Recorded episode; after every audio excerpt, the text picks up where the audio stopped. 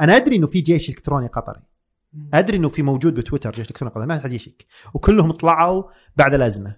وجيش ضعيف فاشل آه بسيط إنك تكشفه ويستخدم مو مثل الجيش السعودي السعودي أقوى أو احسن من الجيش الإلكتروني القطري.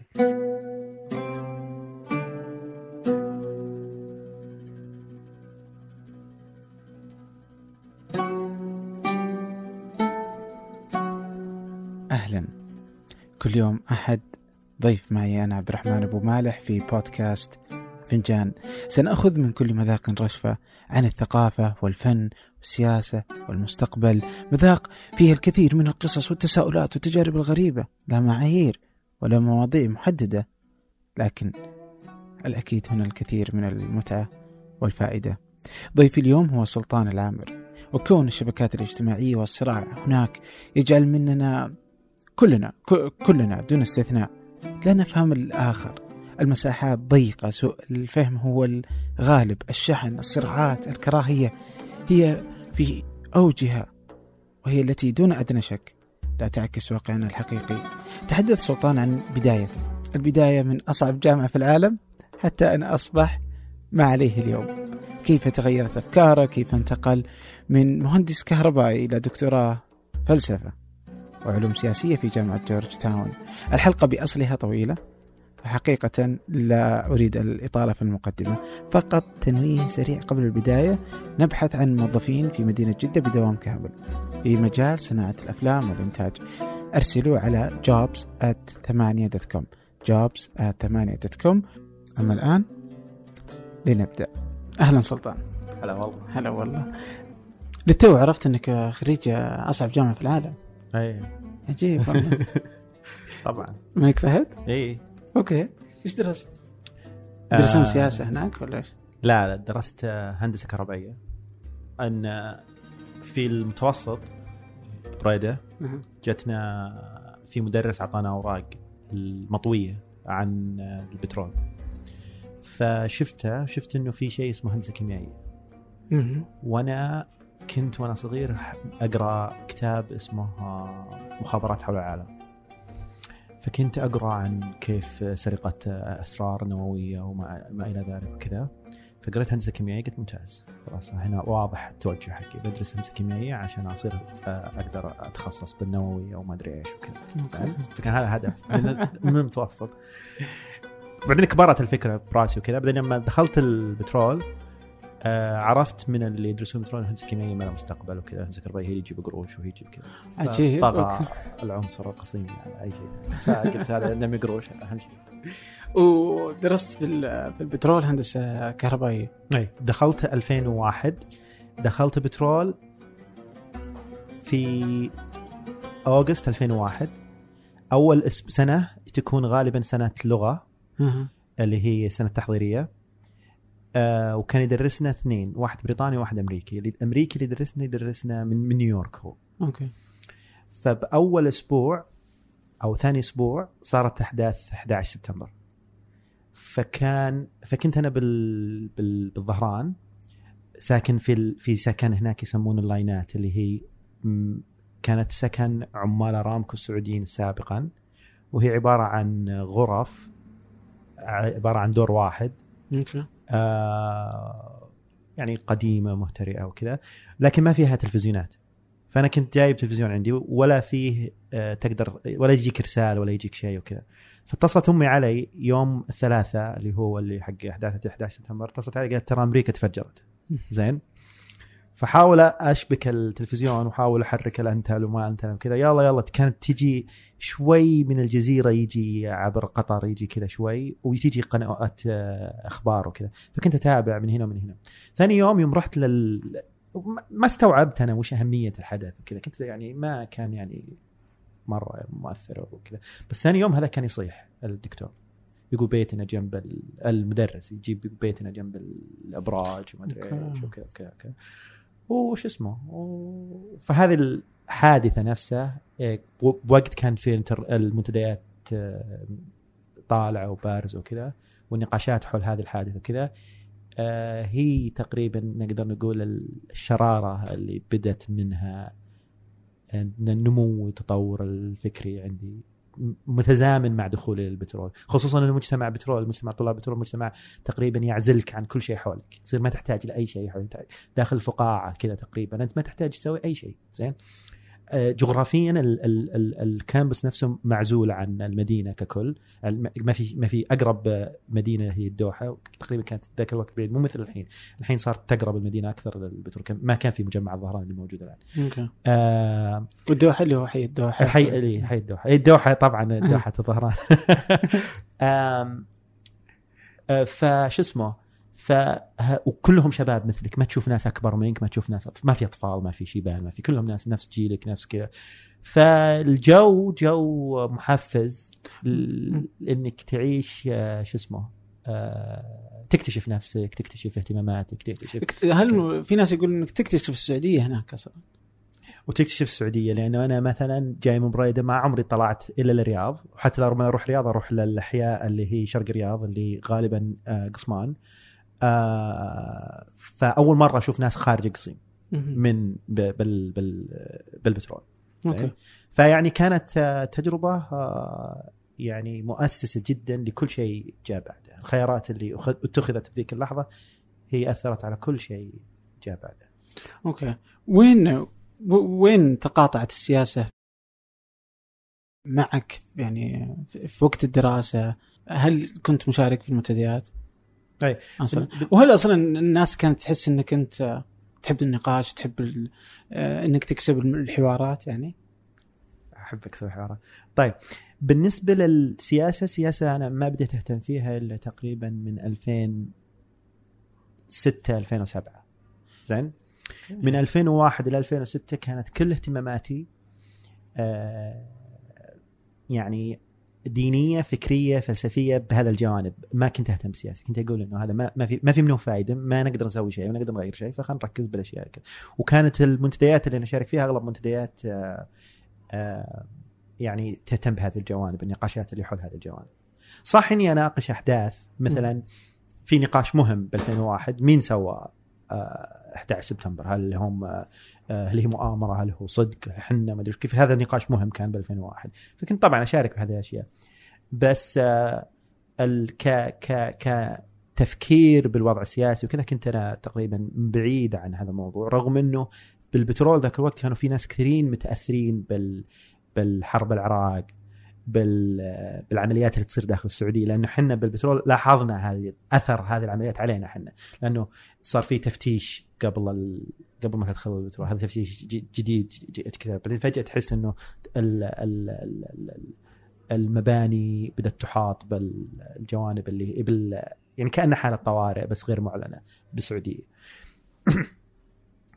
فكان المنتديات اللي أشارك فيها في منتدى عربي اسمه نادي الفكر العربي. هذا. أغلبه ملحدين مسيحيين وكذا. فكانت النقاشات تركز على هذا الجانب. إلحاد دين مسيحية وكذا. والمنتديات السعودية الطوى بعدين بعده آه، دار الندوة جلسه ثقافة وكذا. وش اسمه؟ منتدى بريدة طبعا. منتدى بريدة لأنه آه، فكنت أنا أناقشهم أشياء كنت أناقش حقين نادي الفكر آه، ناقش مسيحيين. أوكي. بعدين بعض الأحيان في شيء ما أقدر أرد عليه. فاروح اجيبه وأحطه بمنتدى بريدة. بعدين بتطلع عن إشاعة ببريده إني أنا صيدلي قبطي ساكن ببريده يحاول ينشر المسيحيه زين؟ أوكي. طيب آه أنت مشيت إنه منتديات آه تخرجت آه هندسة كهربائية. آه اشتغلت بعدها؟ اشتغلت في شركة كهرب. عجيب. أوكي. بريدة آه، لمدة سنتين ونص. بعدين طلعت ل... لأمريكا. أها مم. طيب أنا الحين جاي كذا اللي أبغى أقول وين وين الموقف وين وش اللي حصل غير سلطان يعني من فكر وفلسفة ودين وقبطي. إلى اهتمامه مثلا ب بال- بالسياسة مثلا والفكر إيش النقطة اللي حولتك؟ غالبا مجموعة آه، عوامل العامل الأول هو تأثير آه، الثلاثي الدستوري اللي هم عبد الله حامد ومتروك الفالح وعلي دميني. فهذول كانوا موجودين كانت قضيتهم تصير بالسعودية ونشوف نشاطهم كذا كانوا حولي حول الناس اللي اللي أنا أتكلم معهم وكذا. لكن ما كنت أنا أهتم كثير إلا يوم يوم صارت آه، السجنه الأولى أو الثانية. في سجنه لهم بحدود حول 2007 2008 نسيت أي واحدة. زين؟ لكن هذه هي اللي أثر. ثانيا إني قبل كانت كل الاهتمامي في المنتديات مع مع ناس خ... آه... آه... نقاشات مع ناس ما يهتمون بالشأن السعودي أغلب اهتماماتهم بالشأن الفكر العربي بشكل عام. زين؟ لكن يوم بديت أدخل المنتديات السعودية من جلسة ثقافة تقريبا بديت أدخل المنتديات السعودية وصرت أشارك وكذا صرت يزداد اهتمامي. تعرفت على ناس لهم علاقات مرتبطة ب... ب... ب... بالحراك الدستوري اللي كان موجود من 2003 وطالع. فهذا هو اللي أز- يزيد اهتمامي. طبعا آه هذا على المستوى المحلي. وعلى المستوى الإقليمي اللي هي حرب تموز آه كانت آه تاثيرها كبير آه اللي هو اجتياح آه إسرائيل للبنان آه أو حرب آه مو باجتياح هو كان ضربات جوية وكذا. لكن شو اسمه؟ آه هذا التأثير بس لكن هل في حادثة معينة هي خلتنا أقلب سياسة؟ أنا أحس إنها تدريج كان ما كان حادثة يعني مؤثرة خلتنا اهتم بالسياسة بشكل عام. أوكي أنت يوم طلعت أمريكا آه، كان 2000 وكم؟ 2010 2010 تخصص. طلعت على أساس إني بدرس على حسابي الخاص بعدين أنضم للبعثه. وكانت فكرتي إني أنا يوم يوم كنت أشتغل مهندس بالكهرب أسسنا أنا ومجموعة هناك جماعة اسمها جماعة فكر داخل النادي الأدبي بالقصيم. وهذه آه، آه، الجماعة كنت أنا نائب الرئيس أول ما بدأت بعدين صرت أنا الرئيس بعدين لما سافرت لأمريكا تركته لكن داخل هذه الجماعة كنا نحاول إن نجيب الناس المهتمين بالفكر والثقافه والفلسفه بس- بالقصيم بشكل عام. ويصير في نقاشات داخل كل أسبوعين تصير في جلسة نقاش بشكل عام.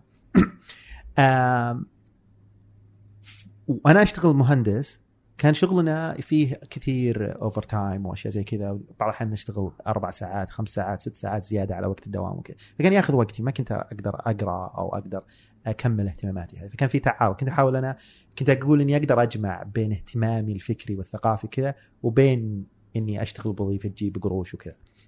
لمن حسيت إنه هذا ما يمكن. قلت الحل عشان أقدر أجمع بينهم إني أكمل آه، في المجال نفسه هندسة آه، كأكاديمي. لأنه الأكاديمي عدد ساعات عمل أقل بس وأكمل ك يعني دكتور بالهندسة آه، فيصير عندي وقت أكثر لاهتماماتي الثانية لكن يوم جيت هنا لقيت إنه في فرصة إنه أقدر أحول وأدرس شيء اهتم خصوصا إنه مع آه، ب 2010 صرنا نقرب أكثر للتغيرات اللي صارت الربيع العربي وما إلى ذلك. ففي واحد قال لي إنه شو اسمه إنه آه إنه ترى في مجال إنك تنقبل إذا إذا إذا تحول تخصصك إلى فلسفة وهو قدر عن طريقه ساعدنا إنه يعدل التخصص إلى فلسفة. عجيب أنت كنت تقول إنه أنا ما كنت أصلا مهتم في السياسة فترة معينة لأنه أصلا ما يمديك تسوي شيء. هل الحين أصلا تقدر تسوي شيء؟ لا هو للحين أنت ما تقدر تسوي شيء لكن آم، طبعا بتختلف من وقت لوقت. في من 2011 كل واحد يقدر كان مقتنع إنه يقدر يسوي مليون شيء.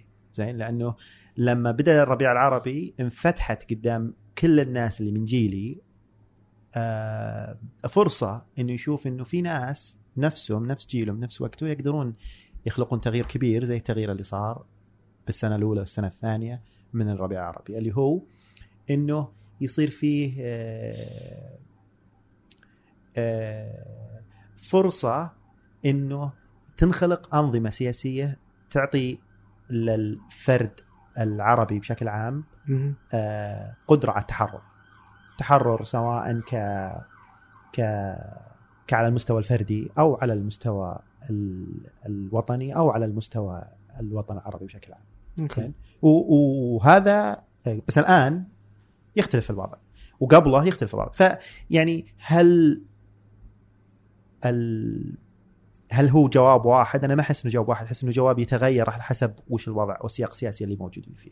زين؟ لكن أنا لما اتخذت قرار إني أدرس آه، فلسفة أو أدرس علوم سياسية آه، هذا اتخذته لأني آه، أحب أتعلم هذا ال- أو أحب هذا الجانب من المعرفة قلت خلاص هذا عملية حسبة قصمان هذه فصل قروش عن هذا قلت خلاص بنهي ذا الموضوع وبستمر وقروش تجي إن شاء الله. هي النتيجة. طيب سلطان تغير يعني كثيرا يعني يمر بأفكار مختلفة وتظهر أحيانا في مقالاتك وفي بعض ما تكتب يعني. مثلا إنه وصحح لي يعني آه، إذا ما كنت غلطان إنه 2006 كنت تقول إنه آه، أنا سعودي قبل كل شيء آخر. ومصالح السعودية مقدمة على كل شيء على الروابط القومية والدينية وغيرها. هذا اليوم يعني آه، يعني يستخدمون اليوم مثلا بعض الناس وأنت تنتقدهم اليوم. يعني في ناس يجي يقول أنا مالي علي من قضية فلسطين. السعودية اولا باقي ما علي مو شغلي. وهكذا تشوف أنت القضايا كلها الأخرى وأنت تنتقدهم اليوم بشكل قوي. إيش غيرك أصلا عن موقفك الأول؟ كنت تشوف إن السعودية اولا آه وما بعده الطوفان يعني. إي آه يعني أنت تقول إني أنا كنت وطنجي. طبعا أنا كنت وطنجي. لكن شو اسمه؟ آه دائما لما يسألون الناس أنت ليش تن- تتناقش كثير أو كذا خلاص قل كلمتك وقل اللي تبي تقوله مو لازم تتناقش معه. فأنا دائما جوابي إنه أغلب هذول الناس اللي ناقشهم اني في فترة من الفترات كنت أفكر نفس طريقتهم. ولولا إنه في ناس ناقشون وتكلموا معي أو كذا ما ما جتنا الفرصة لكذا. فأنا أعطيهم فرصة اللي قد صارت عندي الفرصة هذه. زين؟ مو لأنه من منطلق آه، استعلائي أو كذا لكن أقول إنه في هذا في هذه في هذه وجهة النظر في هذا البوتنشل زين. تقدر تشوفه. زين؟ آه بالنسبة للي صار ب 2006 2007 اللي صار ب 2006 هو إنه أنا ومجموعة آه كنا مقررين آه نسوي نادي قراءة على مستوى السعودية. بحيث إنه يتنقل من المدن الكبرى جدة الرياض الشرقية وما إلى ذلك. زين؟ ويكون المشاركين فيه من كل أنحاء المملكة بحيث إنه يصير اجتماع كل شهرين أو كل شهر أو كذا. و آه، شو اسمه؟ آه، نجتمع في مدينة ما ونناقش الكتاب. جزء منها يتعرفون على بعض وجزء منها إنه يصير فيه نقاش على على هذه الكتب وكذا. وخلاص سوينا الفكرة ورحنا رحنا لأكثر من مدينة على أساس ان, إن, شو اسمه ان نتكلم مع الناس. لما رحنا للقطيف على أساس نشوف الناس اللي هناك نحاول نقنعهم إنه يشاركون معنا. آه هناك تشكلت إنه الفكرة الكتاب الأول اللي نقرأه هو كتاب عزمي بشارة في المساله العربيه. والكتاب هذا وش الفكرة حقته؟ طبعا أول شيء لما يجي اسم عزمي بشارة الحين زين يجي اسمه بسياق الأزمة السعودية القطرية. بمعنى إنه هو يدير خلايا تحاول تهاجم المملكة وكذا وكذا. أنا ما أدري هذا صح ولا لا زين لكن أنا أتكلم الحين عزمي بشارة اللي هو قبل الربيع العربي. زين من ألف آه، عزمي بشارة قبل الربيع العربي كان يكتب جريدة الحياة اللي هي جريدة سعودية. زين في له مقالات كثير أصلا أول مرة أنا اكتشفت عزمي بشاره بجريدة الحياة زين مقالاته اللي كان يكتبها عن القضية الفلسطينية وكذا آه والكتاب هذا آه كتاب ينباع بمعرض الكتاب والمكتبة التراثية وكذا أي. أوكي. فشو اسمه فالكتاب إيش يقول وش الفكرة حقته؟ يقول إنه فيه السؤال يسأل ليش الدول العربيه ليست دول ديمقراطية؟ ويقول إنه ال- ال- السؤال هذا في عدة أجوبة عليه، في جواب إنه سبب ثقافتهم، ثقافة هي اللي تمنع العرب إنهم يصيرون ديمقراطيين.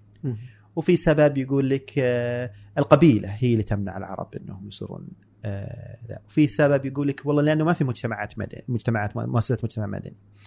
أو ما إذا. هو هنا أو الإسلام هو السبب. زين أو كذا ففي أسباب كثيرة. يعني ما الدين أو الثقافة اللي غير الدينية أو القبيلة أو ال- آه، إلى آخره. أو النفط آه، الدولة الريعية وما إلى ذلك. ففي هذه الأسباب اللي تنطرح دائما بالف- بالفكرة العربيه حول ليش الدول العربية لم تتحول لدول ديمقراطية. فهو بالكتاب هذا يقول إنه آه إنه هذا السؤال غلط أصلا لأنه يفسر غائب يعني إحنا نفسر شيء مو موجود يقول ليش هذا الشيء اللي مو موجود ما آه، ما صار موجود فهو يقول الأفضل إنه نفسر وش المؤسسات اللي. وش الأشياء اللي موجودة اللي قاعد. حتى نستطيع أن نفهم مساراتها وكذا. بعدين يقول كل الأسباب المطروحة هذه نقدر صحيحة لكنها ناقصة وينقصها اللي هو يسميها المسألة العربية وش المسألة العربية اللي هي إنه العرب هم أكبر أمة في العصر الحديث لم تنل حق تقرير المصير. زين؟ وهذا يخ- يخلق نوع من ال... من المقصود بحق تقرير المصير إنهم هم كأمة عربية يجون يقولون وش نبي يصيرون؟ يبون يصيرون دولة واحدة يصيرون عشر دول وكذا وكذا. لأن الموضوع العربيه الموجوده الحين جت عن طريق نظام الانتداب اللي بعد الحرب العالمية الأولى اللي هو آه، غالب الدول الموجودة تم تقسيمها بناء على أتفاقيات سايكس بيكو أو غيره زين؟ يعني السعودية وال... واليمن ما جاه انتداب اليمن الشمالي ما جاهم انتداب آه، ولا تعرضوا للاستعمار وكذا. لكن حدود السعودية مع الأردن حدود السعودية مع الكويت حدود السعودية مع دول الخليج جت بنتيجة اتفاقيات بين بريطانيا والحكومة السعودية. فالحين آه هذا هذه المسألة العربية هو انه عدم حسم موضوع تقرير المصير هو اللي يخلي المشاكل هذه مشكلة الدولة الريعية مشكلة الثقافة مشكلة كذا مضاعفة. okay. زين؟ تخلق تخ- مضاعفه وتسبب صعوبة التحول هو كتب الكتاب هذا في 2006 2007 بسياق كان جورج بوش يبشر في المنطقة ب بأنه هو يبي يجيب لنا الديمقراطية بيجيب للعرب الديمقراطية عن طريق الجيوش. وأنه يبي يخلي العراق نموذج للديمقراطية بكل المنطقة فكان وكثير من المفكرين العرب ومثقفين العرب تحمسوا للفكرة إنه تجي الديمقراطية عن طريق آه، البوارج الأمريكية. فهو كتب كتاب هذا يقول إنه الديمقراطية ما تجي ببوارج ولا تجي بجيوش أجنبية إيش اسم اختي- الكتاب؟ في المساله العربيه مم. وتجي ال- النتيجة عن طريق آه كذا فشو اسمه آه فهذا ال- الكتاب كان م- يعني مؤثر بالنسبة لنموي الفكري وتطوري الفكري. زين؟ لأنه آه يقول إنه هذا التفكير الانعزالي اللي موجود عند ال... أي واحد يقول المصلحه الوطنية أهم وكذا. آه، ما يؤدي للغايات اللي يفكر فيها. الحين حنا مثلا كلنا نهتم بالسعودية. بمعنى مش معنى ان الواحد يكون يهتم بالوطن حقه؟ يهتم الم- المصلحة العامة للوطن. يبي الوطن حقه هذا اللي هو الانتماء إنه يكون في المستقبل أفضل مما هو عليه. طبعا لازم يكون مستقر لازم يكون أكثر عدالة أكثر حرية أكثر كذا. فهذه المعايير الأساسية اللي الواحد يفكر فيها لما يفكر يقول نبي البلد يكون أحسن. يكون أحسن المستوى الاقتصادي يبي أحسن المستوى ال- القضائي أحسن المستوى السياسي أحسن المستوى الاجتماعي وما إلى ذلك. حلو. السؤال هل يقدرون السعوديين ينجون لوحدهم في هذا الإطار برغم وجود الروابط هذه كلها اللي تربطهم كل المحيط حقهم؟ فبالنهاية سعوديين عرب ومسلمين زين. وبالتالي روا... والدولة السعودية تقول تبررت نفسها بررت وجودها بررت كذا انها هي مملكة عربية سعودية انها هي دولة عربية ضمن هذا الوسط ال- ال- المحيط اللي موجود. فهل يقدرون ينجون لحالهم؟ حتى لو إحنا فكرنا بمصلحتنا كسعوديين فقط صعب إنك تنجو لحالك. يعني حتى بدول ما في بينه وبين روابط أخرى مثلا بأوروبا. زين كل ما تحاولت دوله اوروبيه لحالها إنها تنجو لوحدها حالها من بين خارج الإطار الأوروبي تجيك حرب عالمية أولى حرب عالمية ثانية وكذا زين. ما قدروا ينجون لما يفكروا ينجون مع بعض. في في خيارين عندك. لما تصير أنت في إطار إقليمي في عندك خيارين. إما إنك تتعاون مع الدول الموجودة معك عشان كلكم تطلعوا مع بعض لأنه لما يصير في تفاوت كبير بال بالإقتصاد وكذا آه اللي حولك يبي يصيرون عالة عليك أو يبي يخربون عليك. زين. أو إنك أنت هذا إذا صار في دول ثانية أو إنك أنت تسيطر على الإقليم كله مثل أمريكا الحين مسيطر على أمريكا الشمالية كلها. فهي من ال- آه، من المحيط للمحيط. هي كلها دولة كبيرة. فبالتالي ما يعني 50 دولة كلها تحت دولة واحدة اسمها الولايات المتحده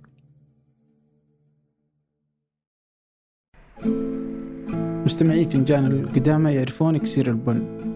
والأصدقاء في إكسير البن كانوا داعمين لفنجان أكثر من مرة. هذه المرة عندهم خدمة جديدة إحنا في ثمانية نستخدمها وهي مريحة جدا. لكن قبل أحكيكم عن الخدمة إذا كنتم من سكان الرياض ودي أنصحكم نصيحة. وهي أنكم تزورون فرع إكسير البن الجديد في الحمراء الفرع رائع صممته شهد العزاز إحدى ضيوف فنجان السابقين. كنا في ثمانية في هذه الخدمة من أوائل الناس المشتركين فيها. هي اشتراك شهري عبر المتجر الإلكتروني تصلك نكهتين مختلفتين من البن كل شهر. شهر من السلفادور وكينيا شهر ثاني من إثيوبيا واليمن ولا تتعب نفسك وتحتار وتختار. اشترك مرة واحدة واستمتع بالقهوة. تصلك أينما كنت في السعودية أو خارج السعودية. الاشتراك في الخدمة متوفر عن طريق موقعهم اكسير البن.com اكسير البن.com أو ابحث في جوجل اكسير البن راح يكونون في أول النتائج. وي آه سواء اشتركت في الخدمة أو لا إذا رحت الفرع اهمس في إذن الساقي فنجان يمكن يعطونك قهوة ببلاش الحين جواب على السؤال السؤال الأساسي هو إني أنا هو كنت هو أنا أبغى أرجع الحين انه. برجعك أنا. بدخل أي. الشق. دخولك للعروبية. يعني يوم قلت إنه برضو إنه عزمي أثر على إنك. تفكر بهذا المنطق. بس يوم كنت تشوف السعودية وش كانت مشكلة إنه الواحد ينظر إلى السعودية فقط؟ يعني قد يقول إنه برضو في دول آه، عندها حياة جيدة، يعني هل في مثال عربي جيد بالنسبة لك الدولة تحس إنها ممتازة يعني يعيش أهلها بشكل جيد عندهم شكل من الرفاه ما يجعله انسان يعني يعيش بشكل ممتاز؟ يعني السؤال هذا عام نقدر نقوله آه، لو نوضح مثلا لما هل في دولة عربية جيدة من ناحية الرفاه الاقتصادي؟ أبى أقول لك إيه في دول الخليج عندها هذا الرفاه الاقتصادي. طيب هل في دولة جيدة من ناحية التحرر السياسي؟ اي في دول آه، مثل الحين تونس, تونس. والكويت وال... والمغرب في عندهم حقوق سياسية حق التصويت والترشح والحرية التعبير وما إلى ذلك. زين يبقى لازم نحدد وش الشيء اللي نقصده زين بال... بال... بالجيد هنا زين لأنه دولة واحدة عربية فيها هذه الأشياء كلها من ناحية رفاه وتحرر سياسي و... وحقوق اجتماعية وحقوق فردية وكذا زين وحقوق مرأة وما إلى ذلك هذا مو موجود مو ما موجود. في, ما في دولة عربية. عربية إيه. وش اللي في العالم؟ وش الدول اللي في العالم؟ يعني مثلا سنغافورة أخذ بأنها دولة جيدة بس برضه ما عندهم حرية يعني مم. جيدة. اقتصاديا يعني تجربة اقتصادية تجربة اقتصادية جيدة بس إنهم. ماكلين هوا يعني. مهم. اليابان مره رهيبة برضه يعني بس يعني تعتبر يعني أوروبا وأمريكا يعني هل هذا هو الشكل الأفضل؟ يعني أفريقيا برضه مو وش المثال الجيد فيها؟ فيعني لما تيجي تاخذ العالم وين العالم المثالي بالنسبة لسلطان طيب؟ حلو في طريقتين بالتفكير هذه إما نقول إنه حنا نبي نقلد هذه الدول اللي هي أوروبا الغربية و... وأمريكا الشمالية. إما إنه نبي نقلد ه- إنه هذه الدول هي المعيار نبي نقلد أو إنه نقول إنه في معايير مثالية. معايير ما هي موجوده أصلا على الأرض على الأرض. لكن نحاول قدر الإمكان نقترب منها. وإنه هذه الدول الغربية ممكن إن فيها جوانب من هذا بس انها ما اكتملتها. فيصير هذا المثال اللي أنت تؤمن فيه وتؤمن إنه هو الأفضل وهو اللي أكثر حرية وأكثر عدلا وأكثر آه، آه، رفاه وكذا هو اللي من خلاله تحكم على الدول العربية والدول الغربية والدول كذا. أنا أنتمي لل لل للفريق الثاني اللي ما يقول إنه النموذج هو الدول الغربية ولازم كذا لأن الدول الغربية فيها مشاكل كثيرة. زين؟ أنا أقول إنه في نموذج مو موجود لكن في معايير أساسية اللي هي عدالة اجتماعية آه، حريات وحقوق فردية آه، ديمقراطية آه، وما إلى ذلك. هذه هي المعايير اللي لما نحكم على أي نظام سياسي نقول هل هذه الأشياء موجودة فيه ولا لا. أوكي. في أنظمة تنجح بجوانب كثيرة في أنظمة ما تنجح بأشياء كثيرة ويصير كذا لأنه الخيار الأول اللي هو اللي يقول لا هذه نبي نصير مثلهم كذا ينتهي لأنه تقديس هذه الدول. ما يشوف عيوبه ما يشوف مشاكله ما يشوف آه كذا. زين؟ وأنا أشوف إن هذه الدول مقدسة فيها مشاكل كبيرة. ما تاريخها مليء باستعمار مليء بكذا واقعه مليء بالرأسمالية اللي تخلي الناس آه، شو اسمه آه، طبقية حادة في مناطق بأمريكا نفسها لما تروح لما تقول كأنك عايش آه، بأفريقيا زين. بمعنى من ناحية إنه الدولة ما هي بواصلة لا مدارس لا مستشفيات لا كذا يعني آه، خصوصا في الجنوب وكذا لما تجي لما لما جاء إعصار كاترينا فضح أشياء كثيرة صح. موجود داخل داخل أمريكا طيب الحين كوني أنا كمواطن أطالب بأنه أبغى أنا ما يهمني الناس الثانيين أنا عندي مشاكل أنا عندي فقر عندي مثلا آه، تعليم عندي أبغى أصير يمكن أفضل أنا ما- لي دخل في الباقيين يعني أي صحيح هل هذا يعتبر شيء سلبي؟ لا هذا ما يعتبر شيء سلبي لأنه الإشكالية مو هو بأنك أنت تعطي أولوية لهويتك الوطنية. الإشكالية أنك تعتبر هويتك الوطنية متضادة مع الهويات الثانية اللي هي العربية والإسلامية. إنك تقول أنا علشان أحص اعالج الفقر أبى شو اسمه ابى أبى أتصالح مع إسرائيل مثلا زين؟ أو أنا علشان أسوي كذا طز بال بالباقيين وكذا. أنا أنا كل اللي أقوله زين؟ إنه هذه هوية ما تتعارض مع الهويات الثانية. وإنه بالإمكان إنك تكون سعودي عربي ومسلم. زين؟ وإنه هذول الهويات الثلاثة ما يتعارضون مع بعض. زين؟ ولا يتناقضون مع بعض. مشكلة الوطنجي إنه انعزالي. بمعنى إنه يقول إنه هذه الهوية السعودية نعرفها بالتضاد مع الهويات الثانية اللي هي العربية والإسلامية. مع مثلا في من ضمن الأشياء اللي موجودة يعني الوطنجي مو بتيار واحد تيارات كثيرة زين؟ داخل الوطنجي. زين؟ لكن في من ضمن التيار تيار واحد من التيارات يقول العرب هم حنا بس سعوديين. باقيين ذولك هم عرب. زين؟ يسمونهم الامصاريين أوكي. زين. وإنه هذول فينيقيين وكنعانيين وآشوريين وفرعونيين وما إلى ذلك كذا. زين. طبعا ليش يسوي كذا؟ ال- ال- الخطاب الانعزالي مو هو بجديد بالعالم العربي. زين موجود. كان موجود بلبنان. وكان موجود بالعراق. وموجود بمصر. زين. لكن وش التكتيكات حقات ال- الانعزاليين اللبنانيين والعراقيين والمصريين؟ تكتيك انه إنه يقولون إنه إحنا ما إحنا بعرب. إحنا فينيقيين. إحنا فرعونيين إحنا أشوريين وهذولاك هم العرب والعرب هم حق سكان الجزيرة العربية. زين؟ فهم تكتيكهم إنهم يصيرون انعزاليين إنهم ينفون عن أنفسهم العروبة. زين؟ حتى يقولون إحنا لنا سياق حضاري مستقل وكذا وي- ويتم إحياء هويات متحفية ما لا وجود ما يتكلمون أصلا اللغات ذي ولا يعرفون ولا في مخيال ولا تاريخ ولا مص... ولا شيء أي نوع من هذه الروابط اللي هم يقولون الفرعونية أو أو الفينيقية وكذا. لكن يتم إحياء هذه الهويات ال- المتحفية لأجل نفي العروبه عنها لكن بالسعودية لأن هي جزيرة العرب ما يمدي الواحد ينفي ال- ال- العر- العروبه عنه فوش التكتيك حقهم؟ إنهم يحتكرونه. يقولون حنا بس عرب الباقيين ذولك مو بعرب فيصيرون يكملون خطاب الانعزاليين اللي موجودين بالم... يعني تجيب الانعزال اللبناني وانعزالي عراقي وانعزالي مصري وانعزالي سعودي تقعدهم مع بعض تلقاهم متفقين كل شيء. هذاك يقول أنتم أشوريين هذاك يقول إيه إحنا فعلا أشوريين أنتم عرب زين؟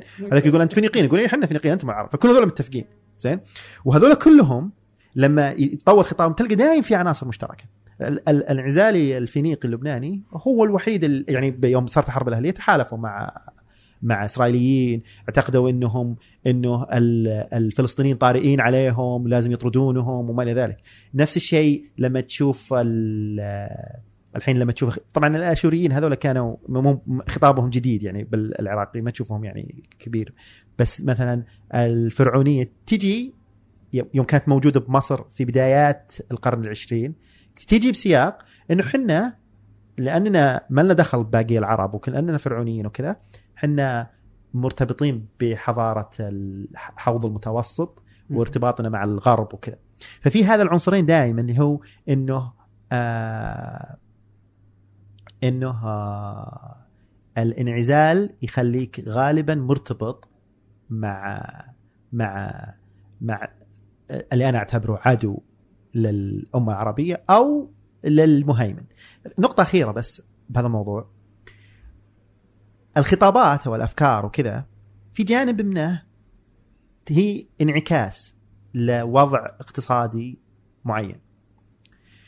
بمعنى يعني الماركسيين يقولون كل الأفكار هي نتيجة الوضع الاقتصادي. أنا ما بقول كذا، أنا أقول جزء كبير منه نتيجة الوضع الاقتصادي.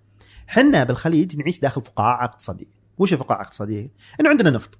حلو النفط هذا يخلينا حنا كعرب أغنى وأكثر رفاهية من باقي العرب الثاني. فيخلق حاجز اقتصادي كبير بيننا وبين باقي العرب. كذا. خلينا أكثر رفاهية، أكثر أكثر مستوى معي المعيشة حقتنا مستوى، الجلسة اللي إحنا جالسين الحين هذه جت بسبب إنه عندنا نفط، زين؟ لكن النفط والاقتضام الاقتصادي اللي ينبني عليه ناضب آه، غير مستدام غير دائم زين؟ فالفكر الانعزالي السعودي أو اللي يسميهم الوطنجية هو تعب يستفيد من حالة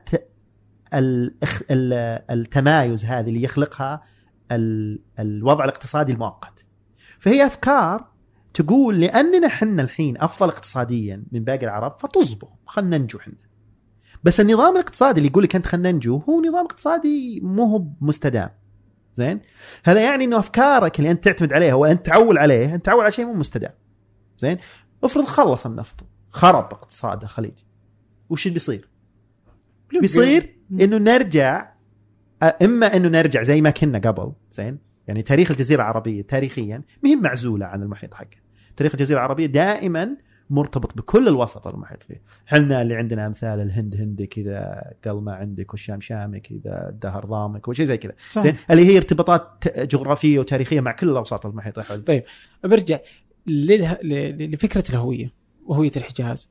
ورغم إنه الجزيرة العربية يعني يعني ذكر كذا في بحث كذا إنه إنه كل شيء يعني فيها يثبت مدى تنوعها.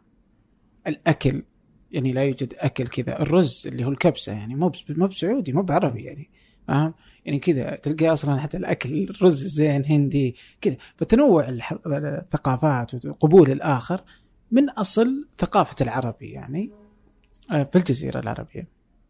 لكن وشلون بدأ ذي ذا النفس نفس الوطنجية كما تسميه مثلا؟ الحين بال- بالسعودية آه، زيادة على انها دولة حديثة صار في أشياء كثيرة. اولا. إنه الاقتصاد حقنا لما جاء النفط وكذا اعتمدت الدولة في بناء المشاريع التنموية وكذا على فصل القطاع الخاص عن القطاع العام. وخلت السعوديين كلهم يشتغلون بقطاع عام. والقطاع الخاص اعتمدت فيه على آه، عماله أجنبية من كل مكان بالعالم. أوكي. زين؟ فانفتحت السعودية بشكل كبير على على هذا كان هذا الوضع ماشي لأنه الوظيفة في القطاع العام كانت راتبها أعلى وكانت آه، ساعات عمله أقل وكان عدد السكان قليل فكانوا يقدرون يغطونهم آه، يغطونهم بشكل كبير يغطونهم كذا. بالثمانينات والتسعينات صار في عملية انفجار سكاني زين؟ فصار في عدد سكان كبير بال بال بالبلد. هذا خلى قدرة القطاع العام على استيعاب الناس أقل. من من من قبل. فبدأت تطلع مشكلة بطالة. هذه مشكلة بطالة من مثل مشكلة بطالة اللي نشوفها بكل مكان بالعالم؟ مشكلة مشكلة بطالة اللي نشوفها بالاماكن العامه إنه نفس ال ال- السوق الاقتصادي ما يستوعب هذول الناس. حجمه ما يستوعب هذول الناس. إحنا المشكلة البطاله عندنا إنه القطاع العام بدأ ما يستوعب سعوديين في حين القطاع الخاص مليء بالأجانب. أوكي. هذا ال ال- التشوه في القطاع في السوق خلى ال- العاطل هذا اللي ما يلقى شغل يحس إنه هذا الأجنبي اللي موجود بالقطاع الخاص قاعد ياخذ ياخذ ياخذ يأخذ شغله. أوكي. يأخذ فمن هنا فالنقطة الأولى اللي هي أصلا الدولة ال- الحديثة تسيس هذه الأشياء من حنا ومن هم ومن كذا وكذا. هذا أول شيء. اثنين آه، مشكلة البطالة اللي نتجت بسبب السياسات الاقتصادية اللي انبنت بالسبعينات وكذا وخلقت التشوهات الحالية موجودة حلو. بالسوق ثلاثة إنه حنا بالخليج مثل ما قلت قبل شوي إنه عندنا وضع اقتصادي يخلينا مفصولين عن باقي العرب زين؟ فيعطينا هذا وهم إنه حنا أفضل أو الفقاعة الاقتصادية اللي إحنا نعيش فيها بشكل يخلينا منعزل زين؟ و آه آه فهذه العوامل الثلاثة كلها تصير كلها مصادر إنه الواحد يحس إنه آه أفضل ومختلف ومستحق. الشيء ياخذه الاجنبي آخر نقطة بس وهي إنه حتى طريقة بناء المدن السعودية الحديثة انبنت بشكل تعزل السعودي عن الباقيين. فرغم إنه الرياض هذه المدينة به ألا يعني عدد كبير من الناس من من دول متنوعة من آسيا وأوروبا وأمريكا والدول العربية بكل مكان في يعني مدينة يعني متنوعة جدا إلا إن طريقة بناء الرياض تخليك انت كسعودي ما تشوف هذول الناس. ما تشوف. ما نحتك فيهم ما نتواصل معهم ما نتداخل معهم ولا شيء. زين؟ مو مثل المدن الثانية اللي تخليك آه آه تحتك مع كل بال- بالغصب تحتك مع كذا. زين؟ رغم إنه يعني وهذا الغريب إنه شلون انبنت المدن بهالطريقة هذه رغم إنه بالإسلام المسجد كل كلنا نصلي مع بعض. زين؟ بس طريقة ال- البناء المدن آه خلى فيه آه انعزال. بين هذه. فرغم انه ولا بغير قصد؟ آه أنا ما أدري بقصد في بعض الباحثين يقولون إنه مقصود. زين؟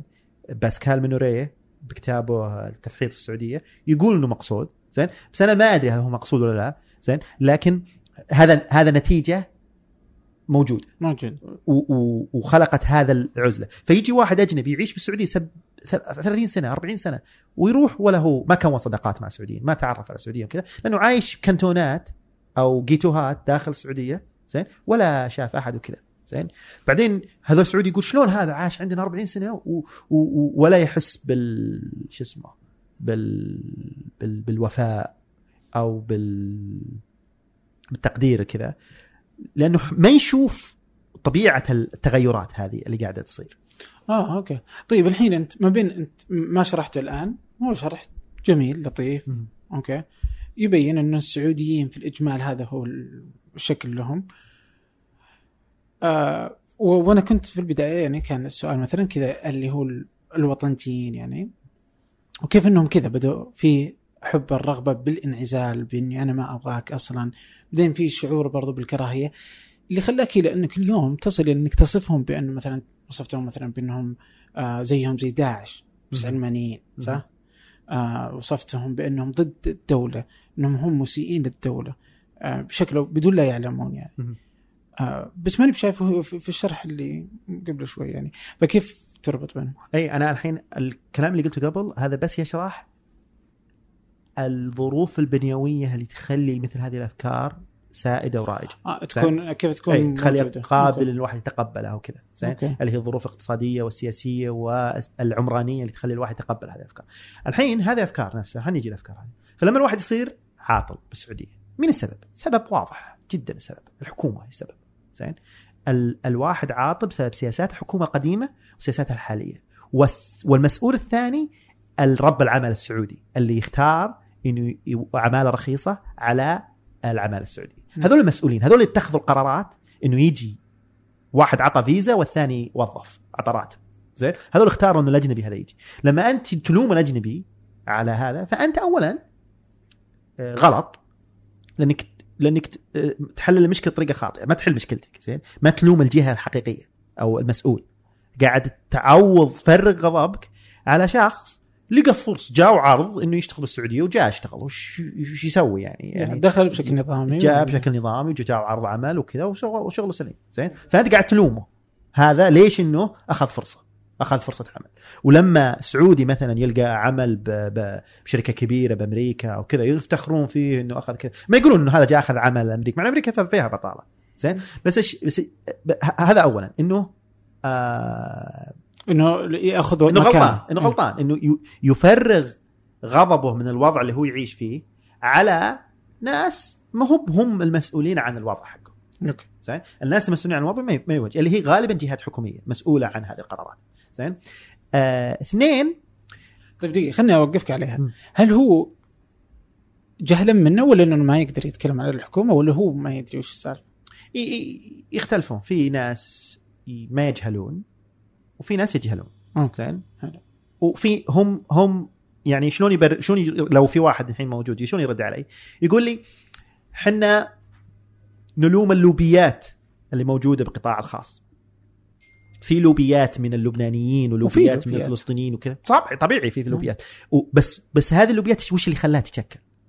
لأنه ما في أنظمة ولا في قوانين تمنع تشكل اللوبيات لو راحت هذه لو سعود القطاع الخاص كله فال فال فال فالقطاع الخاص اللي خلق اللي سمح باللوبيات هذه تشكل تشكل بيتشكل لوبي قصيمي بيتشكل لوبي نجراني بيتشكل لوبي من مدري مين زين؟ فبيتشكل لوبيات كذا وهو بينحرم هذول بياخذون فال فالفضاء نفسه اللي يخلق هذا اللوبيات هو اللي أنت تهاجمه ما تهاجم ليش والله ناس استفادوا وبدوا يوظفون أقاربهم وعيال عمهم وكذا. okay. يعني إذا إذا ال system يسمح لي إني بوظف ناس يقربوا لي وحريص عليهم بوظف ناس قريب يقربوا لي وحريص عليهم. ليش تتوقع من إني بصير؟ والله لا بقول ما أنا بوظف أحد وكذا. خصوصا إذا إنك تدخل فلوس يعني أنا صاحب شركة أي. أصحاب الشركات يعني والوظائف تذهب إلى طرفين. م. طرف إنه أقدر أجيب ال- الأجنبي وأخليه يشتغل شغلة لا لا يعمل فيها السعودي وبراتب متدني جدا يعني بأقل قيمة ممكنة وأكرفه طول الوقت ونظام الكفالة يسمح له بأنه يستخدمه كعبد يعني إلى إلى حد كبير يعني. آه فيخليه يشتغل طول الوقت وخلاص يعني فاهم؟ هذا ما يستطيع إنه يسويه السعودي فيصير مربح. فهي في الأخير رأس مال يعني ال- ال- أي. المال اللي يتحدث. أي. هو يعتبره يد عاملة رخيصة ولا طالما القانون عاملة. قابل يتحكم قادر يتحكم به؟ بالضبط. ولو عشان كذا أنا أقول إنه مشكلة بطالة لو راحت الكفالة زين؟ وصار المواطن العامل الأجنبي يساوي العامل السعودي تقل جاذبية العامل الأجنبي. لا صار العامل الأجنبي يقدر يتنقل بين الوظائف بدون موافقة رب العمل. مم. لا صار العامل الأجنبي آه، يشتغل بنفس عدد ساعات العمل ال- العامل السعودي أو كذا بتقل جاذبيته بشكل كبير بالنسبة لأنه خلاص القدرة على التحكم عليه انتهت. زين. فش اسمه؟ ونقدر ناخذ الجانب الآخر اللي هم ياخذون الرواتب العالية جدا. يعني لما يجي يقول لك. مثلا أوه سعودتوا ال- الوظائف الدنيا. شوف السكيورتي صار سعودي ولا حق الجوالات صار سعودي ولا كل الوظائف الصغيرة هي حقت السعوديين بينما إنه ال- ال- الرواتب العالية للأجانب. لو صاحب الشركة برضو خسران لما وظفه. يعني لو السبعين ألف اللي تعطى للأجنبي صح ما تعادل قيمة حقيقية لصاحب العمل م. يعني لما حد بيفتح فلوس عشان أبغى أعطيه فلوس آه، فلوس لأي كائن من كان علشان سود ولا عيونه هو بالضرورة آه إنه لأنه آه عنده كفاءة أعلى أو كذا. زين لأي سبب كان. زين طالما إنه فهذول هم المسؤولين اللي يوظف واللي سمح ال- اللي اعطى فيزا. اللي اعطى فيزا واللي اعطى الراتب. هذول المسؤولين. زين. إذا انت توجه غضبك لأي أحد ثاني فأنت تضيع وقتك. تضيع وقتك وتخلق كراهية وتخلق مشاكل وتخلق كذا. وبالنهاية ما حلت مشكلتك وز- وزودت مشاكل عليه جميل. أخذنا شكل من من جانب ال- ال- الوطنجية. بس برضو إلى الآن ماني شايف كيف هم آه ليش وصفتهم بالداعشية مثلا؟ يعني أنا كنت أقول انه انه أو ليش أنت مرة انت أنت تشوفهم حتى إنهم. مسيئين للدولة يعني أي. إنهم ضد حلو، الدولة. ممتاز. هذه نقطتين. النقطة الأولى ليش سوي صرت دواعش أنا كنت أقول إنهم إقصائيين. أوكي. فمشكلة آه الخطاب يعني داعش إحنا نجيبه كمثال على الحالة القصوى من حالة الإقصاء اللي آه. تنتهي إنه بإفناء الشخص اللي مختلف معك قتله زين؟ في حين يعني تكفيره ثم قتله زين؟ في حين فأنا أقول إنه هم يستخدمون نفس طرق الإقصاء اللي موجودة عند التيارات الإقصائية الدينية الإسلامية زين؟ بالتالي فهذولك يستخدمون التكفير و والتبديع وما إلى ذلك هذول يستخدمون التخوين وكذا لإقصاء خصوم أنا أقول أنت وطنجي الله يحييك. أوكي صر وطنجي بس مو بلازم أي واحد يختلف معك بالرأي إنه آه، خاين. زين؟ لأنه كل الموجودين هذول يهتمون بالبلد هذا وحريصين عليه. بس كل واحد قاعد يشوف وش المصلحة حقته من نظرته. تقدر تقول نظرته غلط تقدر تقول نظرته خطأ. زين؟ تقدر تقول ما يفهم تقدر تقول مو مفيد زين؟ بس مو بتطلعه برا الدائرة زين؟ أنا ما أنا بطلعهم برا الدائرة ما بقول إنهم سعوديين هم سعوديين و وكذا بس أنا أقول غلطانين ولا يفهمون وجهلة زين؟ لكنهم بالنهاية بس إنهم مثلي مثلهم لهم حق بل إنهم يفكرون وش مصلحة البلد ويسعون للمصلحة هذه كذا والمفروض إن تنحل الخلافات بيننا بطرق مؤسساتية وكذا لكن ما موجودة طرق مؤسساتية. فقاعد تهاوش على تويتر. أوكي. النقطة الثانية هذا مسألة دواعش. النقطة الثانية يعني قلت إنهم دواعش وش بعد؟ إنهم يسيئون للدولة أكثر مما يفيدونها أي آه هذه قلتها في سياق محدد إنه إنه إذا أخذنا سياسات الدولة الحالية فهي سياسات تبي تكون منفتحة على سياحة منفتحة على استثمار خارجي منفتحة على إن تجيب أجانب يجون للسعودية بت- منفتحة على الأجانب بشكل عام هذه سياسات تتعارض مع مطالب آه، الوطنية اللي هي يعني مثلا green card الدولة قاعد تفكر صح. هذا شيء بالنسبة لهم رعب. إنه معناته إنه بيصير في السعودية الوحيدة بين دول الخليج اللي عندها ما, تحسهم إنهم يعني الوطنجية بالأصل إنهم يحبون السعودية بشكل مخيف. okay؟ يعني بشكل كبير جدا. مم. يعني كذا أنا أحب السعودية علم السعودية. تلقى عادة. آه، آه، الصورة الرمزية له آه، صورة اما الملك سلمان أو الأمير محمد بن سلمان. ففيهم حب ولا أعتقد حقيقة إنه نابع من من نفاق وإنما. إنه حب حقيقي طبعا لكن ما يفعله ليس بالضرورة يوا- يعني تحس إنه ما ما له دخل يعني فاهم؟ الحين أنت لما تحب آه ف- تصل مرحلة إنك تتوحد مع اللي أنت تحبه فتحس إنه هذا اللي أنت تحبه حل فيك فأنت يعني أنت خايف عليه فتصير أنت تعبر أنت تعتقد إنك أنت قاعد تعبر عن لسان هذا اللي أنت تحبه أو الوطن أو كذا تعبر أنت عن لسانه تعبر أنت عن كذا تعبر تحس إنه تج- تجسد فيك هذا. الوطن. والسبب اللي خلاه يتجسد فيك بهذا هذا الحب الطاغي كذا إنك ما سويت آه، آه، تقييد لهذه المشاعر اللي أنت تحسها زين؟ وهذا تقيد بالعدل زين؟ إنك تقول أوكي أنا أحب بلدي بس وش العدل؟ وش الصح؟ وش الكذا زين؟ بعدين غالب بعدين بس لما الواحد يستسلم المشاعر وكذا فيصير شو اسمه مثل اللي يحب وحده زين. خلاص بيفكر ما يفكر ما يستخدم عقله وكذا. يصير يصير يعتقد إنه بس بال بال آه، إنه له حق إنه يغار له حق إنه يمنع له حق إنه يسيطر له حق إنه يسوي له حق كذا بحيث إنه حتى يضر مصلحة اللي هو يحبه زين؟ بهذا بهذه الطريقة. زين؟ لأنه يقول أنا أفهم أنا أنا أنا أنا قاعد أسوي هذا كله من حبي لك. أنا أسوي كله هذا.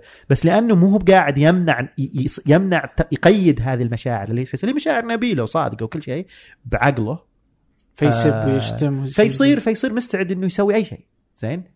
آه يعني مستعد إنه آه، يعني إذا واحد في ناس كثيرين كانوا يحبون زين؟ في نسمع قصص عن واحد حب واحدة اقتله من حبه له أو واحدة حبت واحد اقتلته من حبه له. زين. فيعني يوصل الموضوع زي كذا زين لأنه لما الواحد مش... لأن هذه مشاعر بالنهاية ومشاعر ما بعقله زين وإذا الواحد ما سوى المشاعر وتقييد بال... بعقله بحس العدالة اللي عنده وكذا فمستعد يسوي أي شيء زين الشيء الثاني إنه تصورهم عن السعودية. بعضهم تصور وهمي مثلا لما يقول لك السعودية عظمى يعني يتخيل السعودية دولة إمبراطورية. كبيرة وكذا هذا تصور وهمي مو بحقيقي زين يعني إحنا عندنا أو ما يصلح هذا المثل ما يبزين. عندنا مثل ناجد يقولون يك- يعني أو مو بلازم نقول المهم فش اسمه؟ آه اللي بقوله إنه إنه فهم قاعدين يبنون كذا صرح كبير وكذا. وهذا ال- المخيف إنه مثلا هذه هذا الصيغة السعودية العظمى هي نفسها حقت القذافي الجماهيرية العظمى. زين؟ هذه نفسها حق من وين تطلع دي طيب يعني؟ ما أدري منين تطلع بس إنه شو اسمه؟ آه يعني يعني إحنا عندنا تجارب عربية كثيرة مثل هذا الخطاب وش أدى له. زين؟ فالواحد اللي ما يشوف إنه هذا الخطاب يشابه هذه الخطابات وإنه ممكن يؤدي المخاطر أو كذا زين؟ فهذا مو ماله يعني ما يبي مصلحة أو ما يحب أو إنه مو بحريص على مصلحة الديره أو كذا. أوكي. طيب آه أنت واحدة من الأشياء اللي أخذت عليك برضو مؤخرا يعني هي مثلا مسائل إنك أنت آه سبيت الوطنجية كثيرا يعني.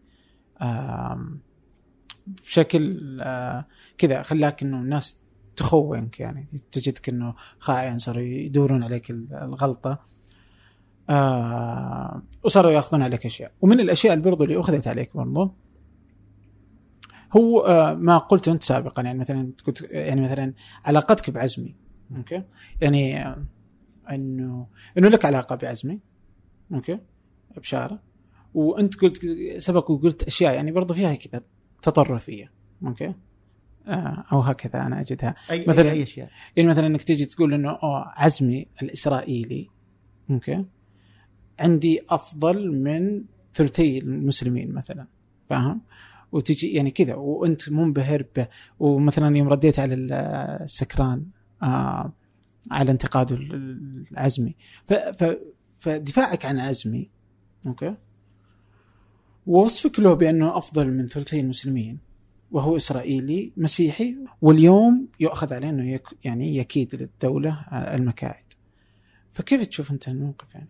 طيب هذ- هذول الموضوعين مفصولات عن بعض شوي. زين تبي نبدأ بعزمي ولا نبدأ بليش سبيتهم أو خونون أو وش لا لا هات عزمي التخوين أنا بجي آه، لا طيب زين آه... أول شيء خلينا نتذكر السياق اللي كل هذا الكلام اللي أنت قلته و- وشه لأنه سياق مهم. زين لأنه أغلب اللي موجودين الحين مو قاعدين يشوفون ما حضروا هذيك الفترة. ذيك الفترة كانت تو بادي آه... ربيع عربي. كان في مجموعة من الشباب اللي هم مو بإسلاميين ويحاولون إنهم آه، يخلقون آه، يعني تيار فكري جديد يرفض الإقصاء حق الصحوة. زين؟ فهم ناس متنوعين. في منهم تنويريين مسلمين إسلاميين وفي منهم آه، ليبراليين وفي منهم غير كذا وكذا وكذا. في متنوعين من كل من كل التيارات هذه. زين؟ آه، فكانوا هذولا يحاولون يخلقون بديل إنه إحنا نقدر نصير بديل للصحوة. أوكي. زين؟ وكانوا الصحوه يهاجمون هذا التيار. زين؟ وكانت طرق مهاجمتهم إنهم آه، يربطونهم بعزمي زين؟ آه، ويقولون إنه هذا آه، إنه لا، عشان عزمي مسيحي فيقول لك إنه كل هذول ياخذون أفكارهم من المسيحي هذا اللي قاعد يخليهم كذا زين؟ فلما سوت صارت معي مقابلة حقت أنحاء. جاء صار سألون عن عزمي زين؟ لأنه كان بسياق ذاك الوقت أنا كنت أنتقد السرورية بشكل كبير زين؟ كنت أسوي هاشتاجات عليهم وكذا زين؟ فكان في نقد كثير. فكان هذا يسأل. فأنا كنت عشان ابجاكر هذول الصحوة زين اللي اللي هم كذا. فقلت إنه ترى هو أحب علي من ثلاث أرباع المسلمين أو ثلاث ثلثين المسلمين. المهم أنا قلت كذا. زين. فهذا هو السياق حقه سياق إم مجاكر الصحوة. زين. آه المق... وال... يعني أنت يعني كما لو إنك تقول تتبرأ من الفكرة لأن أنت أخذتها ما هي حقيقيا انما مجازيا يعني كذا بس. واضح انها مجازيا ما أدري ما أعرف أنا ثلثين مسلمين عشان اقصر آه لا يعني كذا اوه لا ذا أحب عن كل الناس يعني. لا لا لا جي- جيك الحين جيك الحين موضوع عزمي. بس الحين هذا سياق الكلمة أوكي. سياق المقالة حق السكران كان آه، فيه ندوة تبي تصير بالكويت. زين.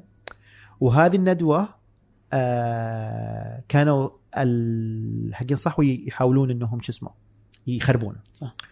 آه، والندوة هذه يسوونها سعوديين. يجمعون مفكرين وكذا ويتكلمون فيها. آه، فاشتغلوا السلفيين بالسعودية مع السلفيين بالكويت على أنهم يحرضون ضد هذه الندوة علشان تغلق. زين؟ واغلقت زين؟ بس إنه قبل ما تبدأ هذا كله زين؟ كتب قبل ما تبدأ عملية الحشد والهذا هذا كتب إبراهيم سكران كم مقالة عن عزمي بشار فكتبت أنا أقول ليش الحين بهذا الوقت اهتم إبراهيم السكران بعزمي بشار فقلت أنا لأنه السبب إنهم يبون يهاجمون هذا المنتدى اللي بيصير بالكويت وفعلا لأن تشوف تاريخ مقالتي وبتاريخ الهجمه صار بعده بأربع أيام الهجمة هذه. زين؟ ف... ف... ف... فكان هذا هو السياق حق ال... حق المقالة هذه. اي بس أنت وصفته مثلا بأنه شخصية مناضلة آه، قامة فكرية. اي آه الحين نجي عزمي بشاره لازم ننظر له آه ثلاث ثلاث جوانب. الجانب الأول عزمي بشاره كمفكر. كتب كتب له له كتاب المجتمع المدني له كتاب مسألة عربية له كتاب أن تكون عربية له كتاب العلمانية له كتاب كتب آه، يعني كثيرة. مثله مثل باقي مفكرين العرب. مفكرين العرب مو بيحبون السعودية بعض- بعضهم ما بيحب السعودية. زين؟ هل هذا يعني ما نقرأ لهم عشان هم يحبون السعودية أو إنهم يعادون السعودية أو إنهم عندهم مشكلة مع مثلا هيكل؟ أكثر واحد كان البوق حق عبد الناصر ضد السعودية. بس كتبه هذا تنباع بالسعودية وكل يقرأ. زين؟ هل ما نقرأ له علشان إنه سياسيا كان ضد السعودية؟ فه... فهذا من جانب فكري. من جانب فكري هل اللي يعترضون على عزمي الشرع يعترضون عليه من جانب فكري؟ يعترضون عليه يقولون له إنه كذا؟ أفكار عزمي فيه جوانب. آه، آه، متميزة وفي جوانب آه، غير متميزة. وال- والمقالة هذه حقت سكران في نقدي له. الموقفه من سوريا وموقفه من آه، شو اسمه آه، والله نسيت المقالة بس في كم نقد آه، تكلمت عليه. هذا شيء. هذا الجانب الأول. جانبه هو كمفكر. إذا إذا الناس عندهم مشكلة معه بافكاره وكذا هذا نقاش فكري نتناقش. كل واحد يقول رأيه وأقول رايي ونتناقش يعني بالنهاية نتناقش على مفكر إحنا. في عزم بشاره ال- الفلسطيني. زين؟ وش دوره كفلسطين فبالنسبة للعزم الفلسطيني اللي هو آه، كعلاقته بالاحتلال الإسرائيلي فاولا خلينا نقسم هذا الموضوع قسمين. جنسيته إنه هو إسرائيلي ففي ناس ما يعرفون إنه لما تشكل دولة إسرائيل العرب اللي ساكنين في فلسطين بعضهم بقى داخل حدود دولة إسرائيل. هذول العرب يسميهم حنا عرب 48 عزمي بشاره واحد من هذول فهذول يأخذون الجنسية تعطيهم ال ال ال إسرائيل الجنسية. فمن هنا يكتسبون الجنسية. آه وهم شعب تحت الاحتلال. تجي الحكومة محتلة تعطيهم جنسية. زين. هذا ما يخليهم خونه أو يخليهم عملاء الاحتلال أو كذا. إلا إذا ساهموا بشكل مباشر في تدعيم و مساعدة الاحتلال في ممارسة احتلاله. فمثلا غاندي آه، كان تابع للتاج البريطاني. بس مع ذلك هو آه، آه، مقاوم لل- لل- للاستعمار البريطاني وكذا؟ وفي ناس كثيرين داخل عرب 48 كانوا مقاومين للاحتلال الإسرائيلي رغم إنهم معهم جنسيات. الحين عزمي واحد عنده جنسية إسرائيلية ووصل للع- الحين هذا الجنسية. الحين عضو الكنيست. هنا تبدأ الإشكالية بموضوع علاقة عزمي بالدولة الإسرائيلية. هو كان أبوه بعضو بالحزب الشيوعي بعدين هو أسس حزب جديد الظاهر اسمه التجمع العربي الديمقراطي أو كذا آه وكانت الفكرة عنده إنه نستخدم المؤسسات الديمقراطية لدولة إسرائيل ضدها. فندخل داخل هذه المؤسسات ونحرج الاحتلال من داخل مؤسساته. زين؟ فكان هذا الخيار حقه لمقاومة إسرائيل. لكن هذا الخيار فيه إشكاليات. لأنه الإشكالية الأولى إنه يعترف بالمؤسسات هذه. لانك أنت ما تقدر تدخل بالمؤسسات هذه بدون ما تعترف بها. مثلا لما تدخل كنيست لازم تسوي القسم حق الكنيست. زين؟ اللي هو القسم حق دولة إسرائيل وكذا. لكن هو يقول إنه إحنا عايشين هنا عايشين بهذه الدولة هذا واقع لازم نتعامل مع هذا الواقع وندمره من الداخل أو نقيضه من نقوضه من الداخل. إما إنه نحرج إسرائيل بحيث إنه يبان انها ما هي ديمقراطيه لما تضطهدنا أو تطردنا أو كذا أو لما نمارس حقوقنا الديمقراطية أو آه إنه نلغي ال ال ال البعد الصهيوني من المؤسسات هذه. زين؟ لأنه إذا أنت التغى هذا البعد الصهيوني من المؤسسات هذه التغت فكرة دولة إسرائيل. فهنا ال ال الإشكالية اللي دخلت.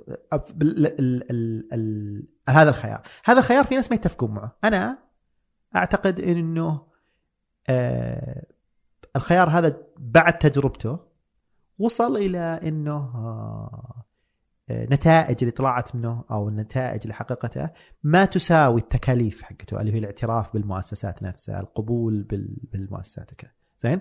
لكن هذا خيار، هل الناس يقبلونه أو ما يقبلونه هذا يعني يخاضع للنقاش، زين؟ لكنه أحد طرق مقاومة الاحتلال الاسرائيلي من الداخل، زين؟ الحين خلصنا عزمي اللي هو المفكر وخلصنا عزمي فلسطين، الحين باقي آخر نقطة اللي هو عزمي وعلاقته بقطر. بعد حرب تموز 2006 أو 2007 2007 2006 زين آه بدأت بدأوا الإسرائيليين يتهمون عزمي بشارة إنه هو كان مخبر لحزب الله أو متعاون معه. فصار فيه آه محاكمات تجاهه إنه يبي يحاكمونه بتهم خيانة أو كذا. زين؟ آه لكن عنده حصانة آه برلمانية لأنه عضو بالكنيست ما يقدرون يحاكمونه. بعدين طلعوا قانون يلغون تسمح لهم إنهم يلغون الحصانة عنه. كان هو في مصر أتوقع لما طلع هذا القانون. فمن مصر طلع بيان إنه آه، ينسحب وكذا وكذا وراح عاش بقطر من 2008 2007 2008 كذا. زين؟ من هناك بدأت تتشكل علاقة بينه وبين الحكومة القطريه زين؟ هذه العلاقة مثل علاقة أي شيخ أو أي مفكر بدولة عربية. إنه إحنا بنعطيك مساحة تسوي الأشياء اللي أنت تبيها بالمقابل تعطينا. ناخذ منك نكسب منك أشياء إحنا. زين؟ وتختلف هذه العلاقة من على من دولة لدولة أو كذا أو من أي أي من كذا. الحين آه بالأزمة اللي صايرة الحين بين السعودية وقطر آه تم لما لما تبي تهاجم أنت قطر فأحسن هدف لك عشان تهاجم قطر من خلاله هو عزمي بشارة.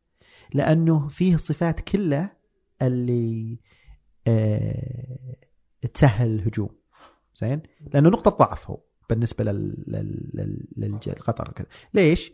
هو إسرائيلي فلسطيني كذا. فسالفه سالفة الأجنبي اللي يجي يتحكم بالدول الخليجية ويسيطر عليها وكذا وله علاقات بإسرائيل وكذا هذه فكرة يعني سهل الناس يصدقونها وهذا جايك من السماء نازل فيه كل الصفات هذه و... وتتم. هل هو فعلا يسوي هذه الأشياء اللي ال- الخلايا عزم وكذا؟ أنا ما أدري عنها أنا ما عندي اكسس على وش يصير داخل الحكومة القطرية.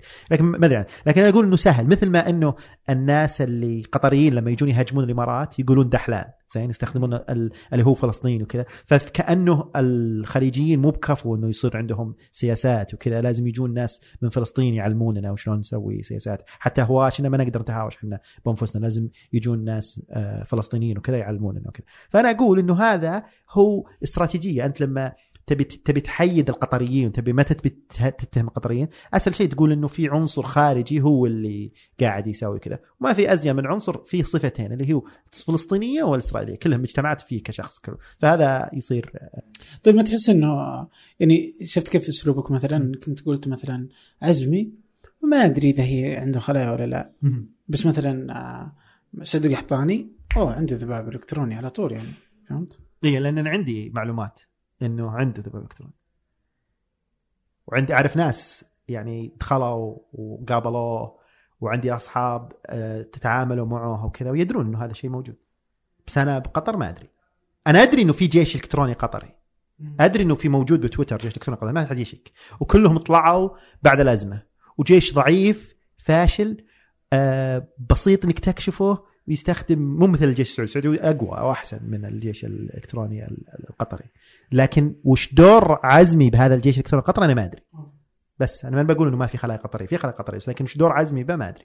أوكي فيه آه، عبد الرحمن لاحم في آه، الآونة الأخيرة برضو كان بينكم آه، نقاش يعني أو نقاش من أطراف واحدة كل الحالة يعني فكل مبلك الآخر.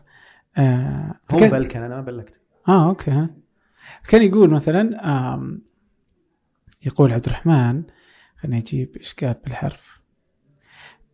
آم يا فيقول عبد الرحمن إنك أخذت 15000 ريال قطري في بريده في حلقة فلسفية. آه وش السالفة؟ هو يقول إنه ما أبغى أحكيها. يعني اهدوا له ورده. كذب. ما في. ما أخذت ولا ريال من الحكومة القطريه طيب وش سالفة الح... يعني كذا واضح إنه هو يعني يقصد شيء معين حلقة فلسفية في آه، في بريدة. حلقه فلسفية هي جماعة فكر. هو يقول عام 2013 الظاهر 2013 أنا ما طبيت السعودية. كله بأمريكا. أوكي. فالقصة كذب كلها كذب. زين. لكن أنا هو وش يسوي؟ يعني هو محامي وقانوني شاطر. زين. فلما يقول إنه سلطان أخذ قروش من قطر عام 2013 لو أنا رحت رفعت عليه دعوة وأقول إنه يتهمن بالعماله القطر. بيقول أنا قلت 2013 قبل الأزمة. زين فما في مشكلة ذاك الوقت مع قطر. فعادي الواحد لو بياخذ قروش. صح إنه كذب وكذا. فأنا أحس إنه حط التاريخ هذا علشان يبرر لنفسه قانونيا. زين؟ لكن أنا ما أخذت ولا ريال من قطر. سبق واحد كلمك مثلا من قطر آه، آه، محاولة في استغلال صوت سلطان يعني؟ حاولوا يستغلون. ما ما في شيء. فيه آه آه أنا كتبت بجريدة العرب صحيفة العرب الجديد. كتبت مقالات يمكن ثلاث أو أربع أو ست والله ما أدري ست مقالات. آه بس هذه ككتابة يعني كتبت بالحياة وكتبت شو اسمه عكاظ وكتبت بالبلاد السعودية. قبل الأزمة يعني؟ اي قبل الأزمة. آخر مقالة سلمتها قبل الأزمة. زين؟ زي ما كان كثير يشتغلون في الجزيرة ولا كانوا يشتغلون في العرب الجديد ولا كانوا اي كان يعني قطر كانت بالنسبة لنا مثل أي دولة خليجية. الواحد يروح يشتغل ياخذ آه، شو اسمه ياخذ آه،. يعني في هناك آه، صحف وقنوات وأشياء وكذا. وكثير سعوديين يشتغلون وكذا. آه شو اسمه آه أما استقطاب وكذا فهذا أكثر شيء علاقتي بقطر إني كتبت بهذه الجريدة.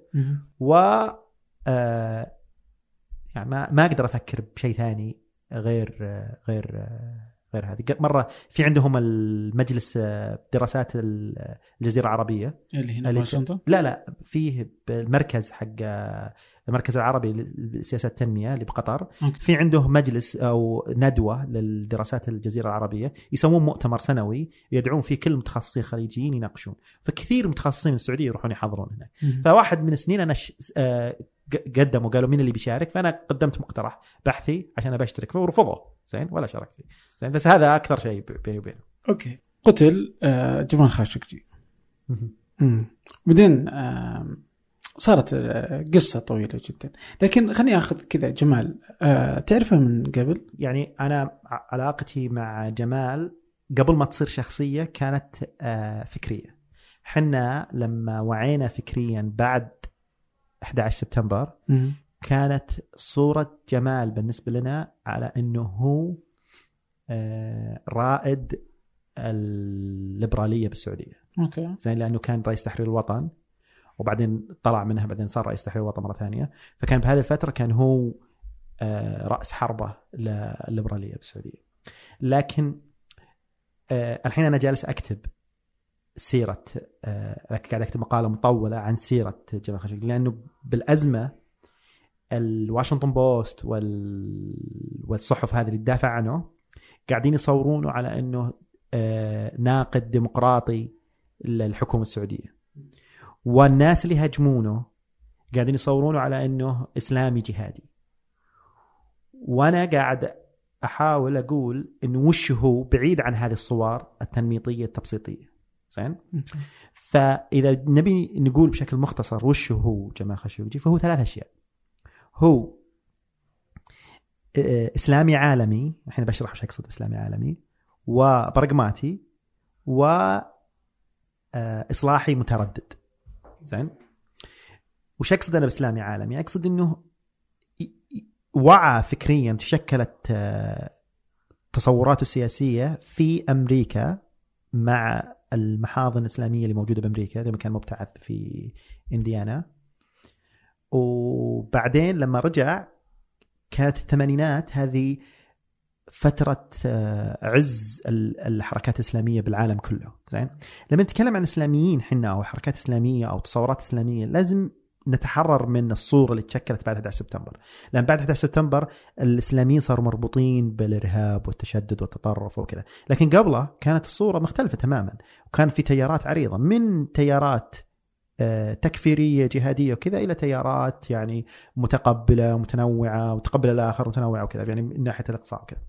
ففي الفترة الثمانينات صارت فيه الحرب آه، إنه الاتحاد السوفيتي غزا أفغانستان فصار فيه الحرب، هذه الحرب الحين لجينا الناظره الناس ينظرونها جهتين بشكلين، الشكل الأول إنه هذه الحرب اللي أدت إلى تشكل القاعدة زين؟ أو إنه هذه الحرب اللي أمريكا آه والسعودية آه، جمعوا المسلمين يمكن هذا عشان يسوون حرب ضد الاتحاد السوفيتي زين؟ فاما ينظرون له بسياقه الدولي سياق الحرب الباردة أو بما أدت له بان طلعت القاعدة. لكن ما حد يشوف إنه هذه الحرب كانت أو هذه الحرب كانت فعلا شعب تحت احتلال وقعدوا يطردون المحتل. زين؟ وفي ناس من كل مكان في العالم راحوا يساعدونهم في هذه الحرب. فكانت فيها معاني سامية وتضحيات وأشياء جميلة وأشياء كذا. فجمال كان مراسل صحفي في أفغانستان ذيك الفترة. زين؟ وكانوا أصحاب وناس من المدينة معه لأنه أغلب اللي اللي شاركوا بالجهاد الأفغاني من الحجاز. ذي- ذيك الفترة. حسب كتاب هيج هامر الجهاد في السعوديه آه فهو هناك في ناس من كل مكان في العالم جايين كلهم يتشاركون هذا الهدف السامي اللي هو تحرير أرض مسلمة من هذا الاحتلال. زين؟ وناس آه، من تعليم مستوى تعليم مستوى اقتصادي آه، من دول مختلفة متنوعة. فهذه الفترة شكلت هذا البعد الإسلامي العالمي حقه. هذا هذا البعد كمل بعدين في التسعينات مثلا. فترة التسعينات تلقاه يغطي أخبار المسلمين آه، بأمريكا. يغطي أخبار المسلمين في تركيا في الجزائر في اليمن في شو اسمه في البوسنة. وفي كل الأماكن هذه يروح يغطي. فهو دائما عاش الفترة الثمانينات والتسعينات عاشها على أنه جزء من هذا الشيء الكبير اللي يربط المسلمين مع بعض. ويروح يتابع أخبارهم يغطي أخبارهم بطريقة صحفية استقصائية. مثلا هو كان من أوائل الناس اللي آه، تتبع بدايات يعني يعني تتبع بدايات الفكر الجهادي وكذا وتنبأ بأشياء كثيرة صارت بعده. مثلا في شغلتين هو قاله بالتسعينات وصارت صدق بعدين.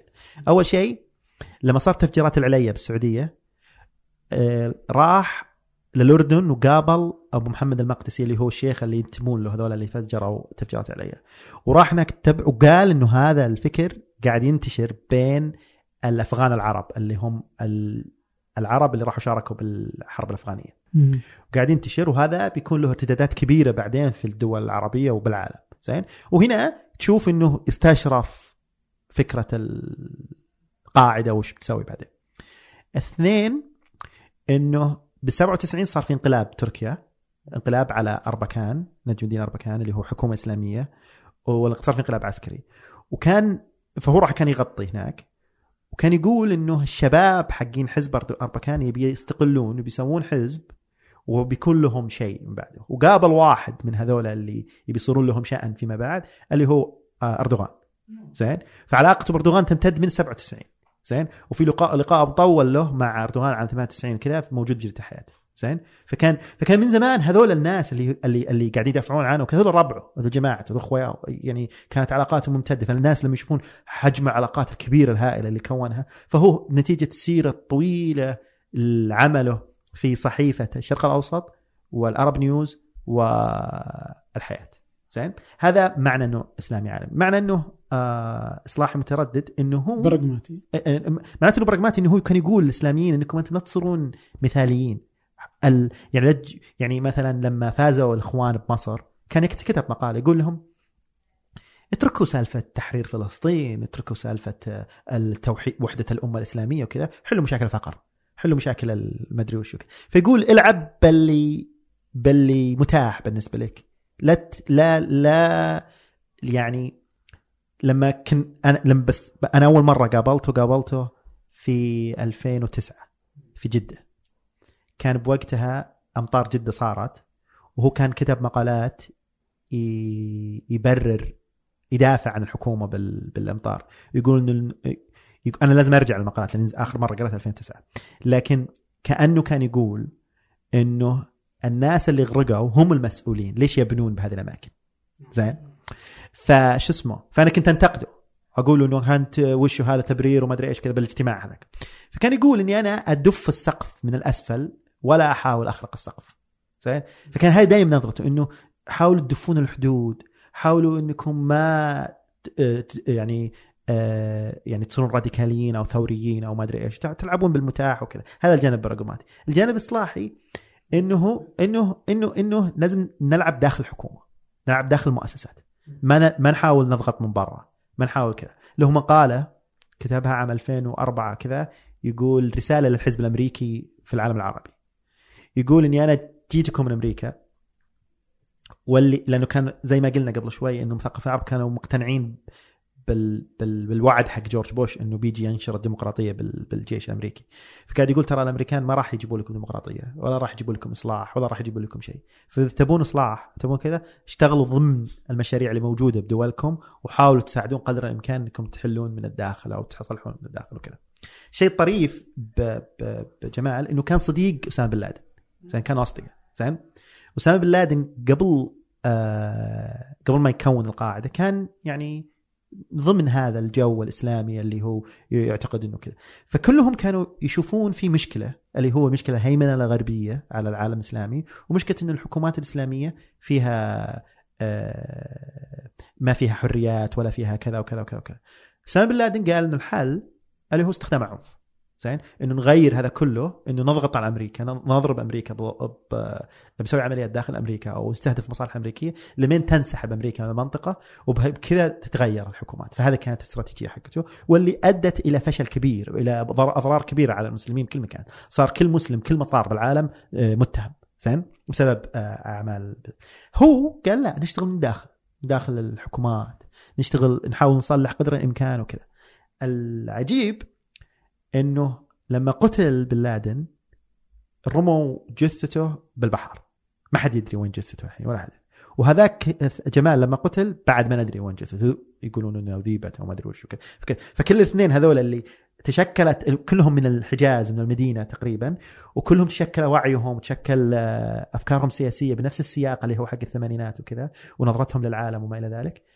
آه وكلهم حاولوا يحلون مشاكل العالم بطرق مختلفة وطرق آه، متضادة جدا. حتى هو كان كان كان يكتب بال 97 98 99 اللي هو جمال مقالات ضد أسامة وكيف إنه آه ظل الطريق وكذا.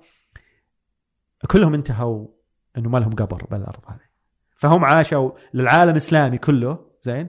سواء واحد بطريقة عنيفة واحد بطريقة غير عنيفة وماتوا بدون ما يصير لهم قبر بالعالم الإسلامي.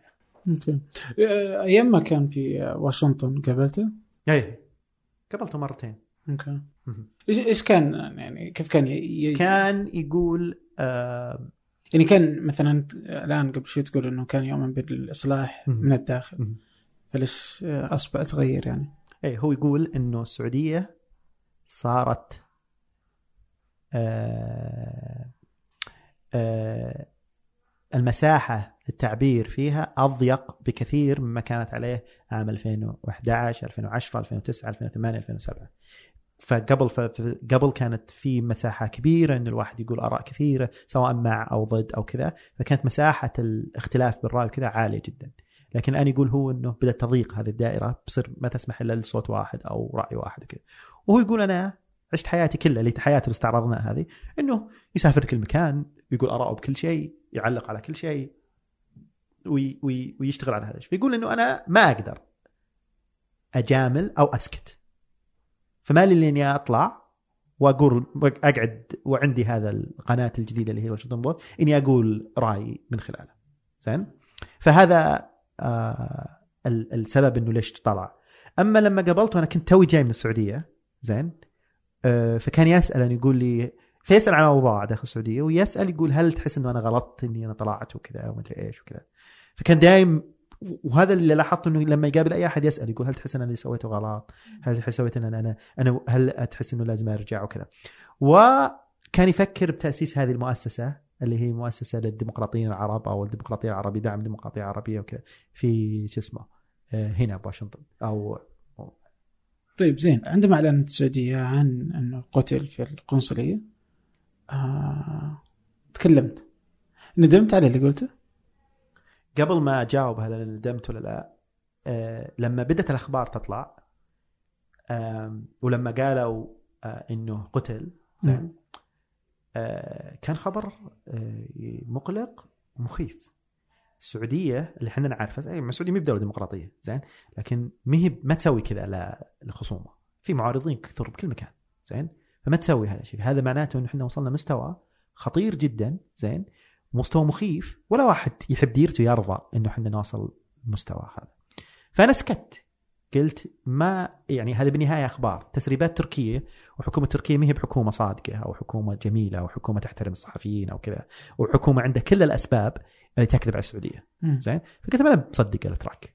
ولا جانب اللي هم الأمريكان وكذا. كل مصادرهم تعتمد على الإتراك. السعودية كانت ساكتة أو قالوا بالبداية إنه طلع وكذا. زين؟ أنا ساكت. قلت بنتظر لمين نشوف وش الصدق بالموضوع. لما قالت السعودية إنه قتل زين؟ فأنا شعرت إنه أي واحد يحب الديرة ويبي مصلحته ما يرضى إنه يكون يعيش ببلد يقتل خصومه. زين. سواء كان القتل خطأ أو ما خطأ هذه بالنهاية هذه أجهزة حكومية اللي اللي مارست القتل. زين؟ بغض النظر وش نوع الخطأ اللي صار. زين؟ كون وصلنا إنه يصير عندنا مثل هالخطأ هذا زين؟ فاحنا عندنا مشكلة. لازم لازم نح- نح- نحلها في ناس قالوا في هجمة صح في هجمة علينا لكن مشكلة إنه ينقتل المواطن اللي هو جمال أكبر من مشكلة إنه في هجمة أو كذا. فأنا ركزت على هذا الموضوع. لأنه سهل جدا إنك تتجاهل مشاكلك الداخلية وتركز على عدو داخلي. هذا هذا يعني يخليك بطل يخليك ما عليك تكاليف عليك كذا. لكن الصعب واللي يخليك تواجه مشاكل ويمكن تتضرر انت انه إنك تقول لا خلينا نركز على مشكلتنا إحنا اللي قاعدين نواجه مشكلتنا الحقيقية اللي اللي تسببت بكل ال... كل ال... اللي صار هذا. لو ما انقتل جمال ما صارت الهجمة هذه. ما صار كل اللي صار هذا زين؟ فليش؟ وش وش اللي صار؟ وش الأسباب البنيوية واللي قاعدة تتغير بالثلاث سنين اللي راحت والأربع سنين اللي راحت والخمس سنين اللي راحت آه، أدت إلى إلى إلى ان نوصل هذه المرحلة؟ فأنا حسيت إنه هذا واجب. في تكاليف كثيره على هذا الواجب. فيه آه فيه مخاطر كثيرة من إني أتخذ هذا القرار. بس أنا قلت إنه هذا يعني اولا أنا اعرف أعرف الرجل هذا بيني وبينه عيش وملح زين. وهو قتل لأنه ضحى زين. فمن واجبنا إنه على الأقل نسوي شيء عشانه. ما ما يصير موته يمر كذا مرور الكرام زين. فإن إحنا نضحي بعد لو بشيء بسيط مو مثل اللي هو يضحى فيه إنه نقول وين وليش صار اللي صار. وكيف آه نوصلنا لهذه المرحلة. لأنه آه فانا أنت سألت عن سؤال بالبدايه وأنا نطيته. وش هو؟ إنك ندمت على يعني هل كانت فورة؟ يعني انك كنت غضبان فقلت ما قلت؟ أنا لو رجع الزمن بالوراء وصارت نفس الأحداث أبى أتكلم. هل بتكلم بنفس اللغة؟ مم. بنفس ال- ذا؟ لا يمكن بحاول أصير أعقل واحاول أصير أكثر طيب الآن. عدها يعني, يعني بعد الحين لنا تقريبا 19 يوم. من الإعلان؟ إيش ممكن تقول؟ أتوقع إنه إنه آه آه فيه ثلاث جوانب بالموضوع. الجانب الأول إنه هذا آه لازم اللي هو جمال لازم ياخذ حقه زين؟ لازم إنه يصير فيه ضغط. شعبي لمطالبة بمحا... بتحقيقات عادلة وشفافة وكذا وأخذ حقه كامل آه، غير منقوص ولا ولا ولا ولا حبة. زين؟ هذا الجانب الأول. الجانب الثاني اللي هو إنه إنه الأجهزة الأمنية عندنا كيف نتعامل معه كيف ننتقده وكيف ن- كذا الحكومة نفسها يعني آه، بالمؤتمر هذا حق آه، دافوس الصحراء محمد سلمان قال إنه آه، إنه في مشكلة عندنا وتحتاج اصلاحات تصلح إصلاحات الأجهزة الأمنية. زين؟ طيب حلو. و... لازم يصير في نقاش محلي. زين؟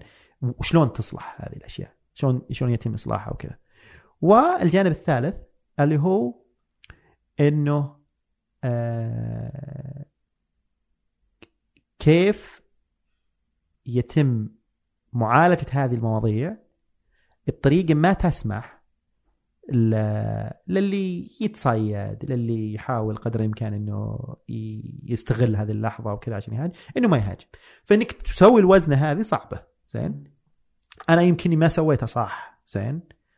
بس ما أحس إنه هذا هي النقطة المهمة زين؟ النقطة المهمة إنه لازم أحد يتكلم ويقول ترى في عندنا مشكلة لازم تنحل. وأنا أحس إني هذا واجب وأنا سويت هذا واجب. okay.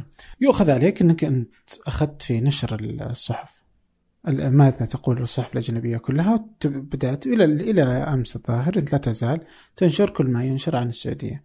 وفي هذا أنه أنت تنشر عن السعودية وتوصل رسالة داخل السعودية بشكل سيء آه، تجاه صورة السعودية آه، الحكومة السعودية آه، وموقف السعودية في الموضوع ده.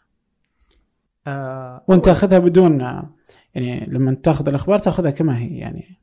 اولا آه مو بصحيح هذا إني ناخذ أخبار زي ما هي وكذا. دون تشكيك يعني. ولا ولا لا مو بصحيح هذا الكلام. أنا أقول إنه آه أنا قاعد أتابع القضية زين؟ الاعلام السعودي ما يعطينا أي شيء عن القضية زين؟ ما في أي خبر يطلع من الاعلام السعودي. أنا ودي إنه يطلع أخبار من الاعلام السعودي ما يطلع منه. فعندنا مصدرين للأخبار.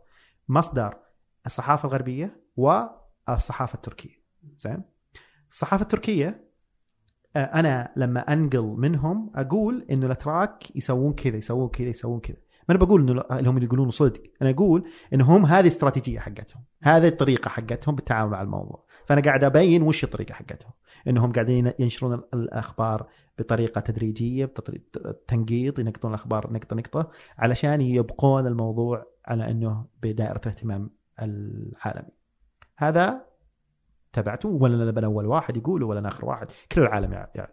ثانيا الصحف الأجنبية. الصحف الاجنبيه ولا أعرف ليش عندهم قدرة إنهم يجيبون أخبار عن السعودية ما هي موجودة عندنا. عندهم آه، مصادر سعودية مصادر قريبة من اتخاذ القرار وكذا وياخذون منهم. فزين إنه إحنا نشوف وش يقولون هذا. مو بلازم تصدقهم بس هذا الخبر موجود. زين؟ كوني أكتب بالعربي الخبر تنشره جريده تنشره بحسابه بال... بالإنجليزي ويترجمونه كل ال... الناس اللي يبون يترجمون هذا. لما يترجموا سلطان صار يشوه صورته آه سعودية. يعني أحس إنه يعني آه بعدين هذه التهمة غريبة. وش هي تأليب أو وش شو اسمها هي؟ تشويه صورة السعودية؟ وش شلون يعني؟ وش أكثر من إنه مواطن سعودي انقتل بقنصلية؟ يعني أنا لا لا. لأنه إيش؟ أنا بقول لك لأنه مثلا اليوم آه، وش اللي جالس يصير في في الشبكات الاجتماعية؟ يعني في إبان قضية جمال. قبل إعلان أنا أتوقع أنها تنقسم إلى قبل إعلان الحكومة وما بعد إعلان الحكومة. أنا ساكت قبل إعلان الحكومة ما قلت شيء. لمين اعلنت الحكومة؟ إي إنك سكت. يعني كانت وقت هذاك إنه غير مسموح الصمت فيه. okay؟ وما بعده اللي على الأقل اسكت. يعني أو ما أدري وش مفترض إنه مطلوب وقتها. لكن كانوا وش كانوا الشباب يسوون؟ آه أنه كانوا الناس كذا اللي تدافع إنه خلاص يعني هذه أزمة الدولة، اليوم مرت تمر الدولة بأزمة يعني لعل إنه ناس يجدونها أنها أكبر أزمة 11 سبتمبر. يعني لم تشوه صورة المملكة بهذا الشكل من قبل. حلو. وأنت ما يعني ما شاء الله ماشي معهم يعني ماشي مع الرتم الأجنبي وما عليك يعني في السعودية. حلو. آه قبل الإعلان. إعلان الحكومة آه أنا كنت بين إنه هل هذا صدق صار ولا لا؟ لأنه في عندنا معطى غير مجاوب عليه. بغض النظر وش قاعد تقول الحكومة التركية أو غيره. في عندنا رجال دخل قنصلية ولا طلع. فأنا أقول جاوبوا لي على هالسؤال هذا وبد. أنا مستعد أدافع بكل مكان. بس هذا السؤال ما حد جاوب عليه. جواب الجواب اللي انعطى بالبداية إنه الكاميرات ما تشتغل وما أدري إيش كذا ما كان جواب مقنع. زين؟ فأنا قلت بسكت زين. بالنهاية أنا أعرف هذا الرجال وما أنا بحاط دم حياة إنسان على عاتقي علشان آه، هجمة إعلامية وما أدري إيش وكذا. زين. بس قلت لمين نشوف وش وش الصدق. لما قالت الدولة إنه صار أوكي يلا خلينا نشوف وش اللي صار الحين. هنا بدأت أتتبع أخبار وأشوف وش الأخبار وأشارك الأخبار. الأخبار هذه أقراها أنا قبل بس الحين اللي صرت سويته إني أشارك هذه الأخبار للناس وأقول إنه شو اسمه آه وش رأيي. بس ما عليك انك انك أوكي إحنا غلط. مثلا صار الحين في خطأ. بنصلحه. بس يعني ما ما تساهم في هل الهجمة مثلا؟ الحين الهجمة قاعد تقول لنا إنكم أنتم آه، قتلتوا جمال؟ صحيح. الدولة تقول إيه قتلنا جمال؟ وش أساهم فيه؟ الدولة قاعد تساهم فيه. زين؟ يعني وش اللي يساهم فيه؟ إنه إنه جمال انقتل؟ اي انقتل. الدولة اعترفت. إنه انقتل آه بواسطة فريق مرسل من استخبارات السعودية الدولة تعترف بهذا الشيء. إنه انقتل عمدا النائب العام لمح انه جته أخبار من الأتراك وانه فعلا هذا اللي صاير. زين؟ فيعني وش هو اللي أنا قاعد أساهم فيه؟ الدولة ما اعترفت به. فما في ما في شيء زيادة. أنا كل اللي أسويه زين؟ إني ابقي اني إني أحاول ابقي القضية حية لأنه لازم أي مواطن يخاف من إنه يصير الجهاز الحكومة حقه أو الأجهزة الأمنية اللي المفروض انها تحمي مواطنين تتحول انه إنه يصير فيها فجوات أو أخطاء أو مشاكل تؤدي إلى قتل، يعني لما نتكلم عن خطأ إحنا ما نتكلم عن والله زلزال صار وما لنا حيلة فيه أو بركان ثار ولا لنا حيلة فيه أو مطر جاء وماتوا الناس بشكل طبيعي أو سبب طبيعي، إحنا نتكلم عن خطأ أجهزة حكومية كان دوره إنها تحمي الناس والآن بدات تتحول إلى انه آه، تقتل مواطن. أو قتلت مواطن. هذا خطأ كبير. هذا خطأ شنيع. لازم ما يرضي أحد. لازم ما يقبل في أحد.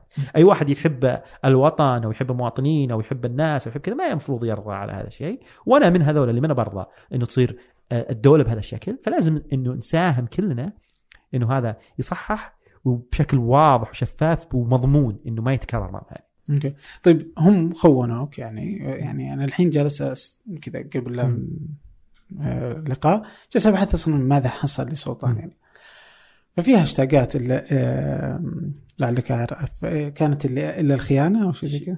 تدويل الحرام لا لا أوه هو التدويل اللي حطوه الخيانة. طيب خلى بعد شوي. سو نجي للتدويل مثلا في إنك قلت إنه الطلاب السعوديين فكروا في إنهم آه، اللي يفكر في الهجرة واللي يفكر في واللي يفكروا بالخوف وإنك أنت منهم يعني آه من الدولة. وأخذ عليك برضو إنه كيف تقول ذا الكلام وهي الوطن وهذه الدولة هي اللي طلعتك اللي خلتك تدرس الحين في ماجستير ودكتوراه في أعرق الجامعات العالمية هي اللي يعني عزتك اعطتك تأمين طبي فلوس آه يعني دراسة من الابتدائي إلى الآن مجانا تأخذ فلوس اليوم في أمريكا بابتعاث وفي الأخير يعني كما لو أنك تطعن في خاصرها يعني. طيب طيب هذا سؤال ممتاز. اولا كلام اللي قلته أنت بالبداية صحيح. أنا مستحيل إني أحظى بالفرص و التطور والنمو سواء الفكري أو الثقافي أو أي شيء أو أي هذا بدون التسهيلات والفرص اللي قدمتها الدولة سواء من ناحية السياسات التعليمية أو غيره وكذا. زين؟ آه فهذا أكيد وهذا أنا ممتن له ولا انكر ولا أحد ينكر ولا أحد يقول شيء. هذا شيء جانب عظيم وجميل جدا باللي يصير عندنا بالدولة. حلو. الحين نجي هل أنا لما قلت هذه التغريدة حقتها كذا؟ الحين نجي التغريدة هذه. التغريدة هذه هو فعلا في كم واحد كلمون قالوا لي النبي آه، ما إحنا براجعين نبي نهج زين؟ أو نبي لجوء أو كذا زين؟ وهذا مفهوم. ناس يمكن كتبوا تغريدة عام 2011 بالربيع العربي أو كتبوا تغريدتين أو انتقدوا قبل ثلاث سنين أو أربع سنين. يقولون الحين إحنا مش مستهدفين أو كذا فيحسون خ... نفسهم خايفين. زين؟ فبدأوا يفكرون وكذا. فهذه لحظة ما هي ما هي بكل يوم تصير. مو بكل يوم إنه مواطن ينقتل. زين؟ آه وبدأوا يفكرون إنه وش نسوي وش ما نسوي وكذا. فبدال ما نركز على إنه والله ليش في كم واحد آه فكر كذا نفكر باللحظة نفسها. ليش صار صار بهذا الشيء؟ هذا اولا. وش الغلط بالتغريدة هذه؟ اني أنا كتبت إنه كثير وهم مو بكثير. هم كم واحد اللي كلمون بس أنا كنت أكتب أصلا تغريدة بشكل مسترسل بالافكار وكذا وكتبته. لعله صار هذه التغريدة اللي هي أخيس تغريدة بالسلسلة كلها صار التركيز عليه. زين؟ آه هل إنه لما واحد يقول إني حسيت بالخوف وأفكر إني أطلب لجوء أو جرين كارد يطعم خاصة وطن المفروض نفكر بالسؤال بشكل مختلف. إنه وش اللي يخلي واحد يحس إنه خايف؟ وش الشيء اللي صار يخليه يحس إنه خايف. زين؟ ويفكر بخيارات ثانية غير إنه يرجع وكذا. زين؟ لأنه بالنهاية زين؟ آه يعني لو أنا فعلا فكرت إنه خلاص أنا خفت وبأهج شو له أكتبه أصلا؟ شو له أكتب شيء؟ سكر حسابي وأخذ الجنسية وأقعد هنا وأقعد أتكلم عن عن قضايا أمريكية وكذا وما أدري وش. بس كوني أنا كتبته بالشكل هذا فهذا يبين إنه أنا واحد قاعد منفعل بسبب الحادثة هذه اللي صارت. منغث من سالفة إنه قاعد يصير هذا الشيء البلد هو ينتمي له. زين؟ وقاعد يحاول يبين إلى أي درجة هذا. هذا الحادثة تأثر بتفكير وعقول الناس وكذا وكذا. زين؟ وإنه يبي إنه تتصلح الأمور. زين؟ بمعنى الحين آه هل إنه يجي واحد يخونن علشان كذا. إيه اللي بيخون بيخونك لو قلت شيء ولا ما قلت شيء زين؟ لكن آه آه الكلام نفسه اللي انقال هذا تقدر تقول إنه مبالغة تقدر تقول إنه آه يعني تسرع أو أي شيء بس ما تقدر تقول عنه إنه خيانة لأنه بالنهاية يعني بالنهاية وش هو تعريف الخيانه؟ تعريف الخيانه إن الواحد ينتمي لدولة ثانية ويعمل مصالحها ضد مصالحك. زين؟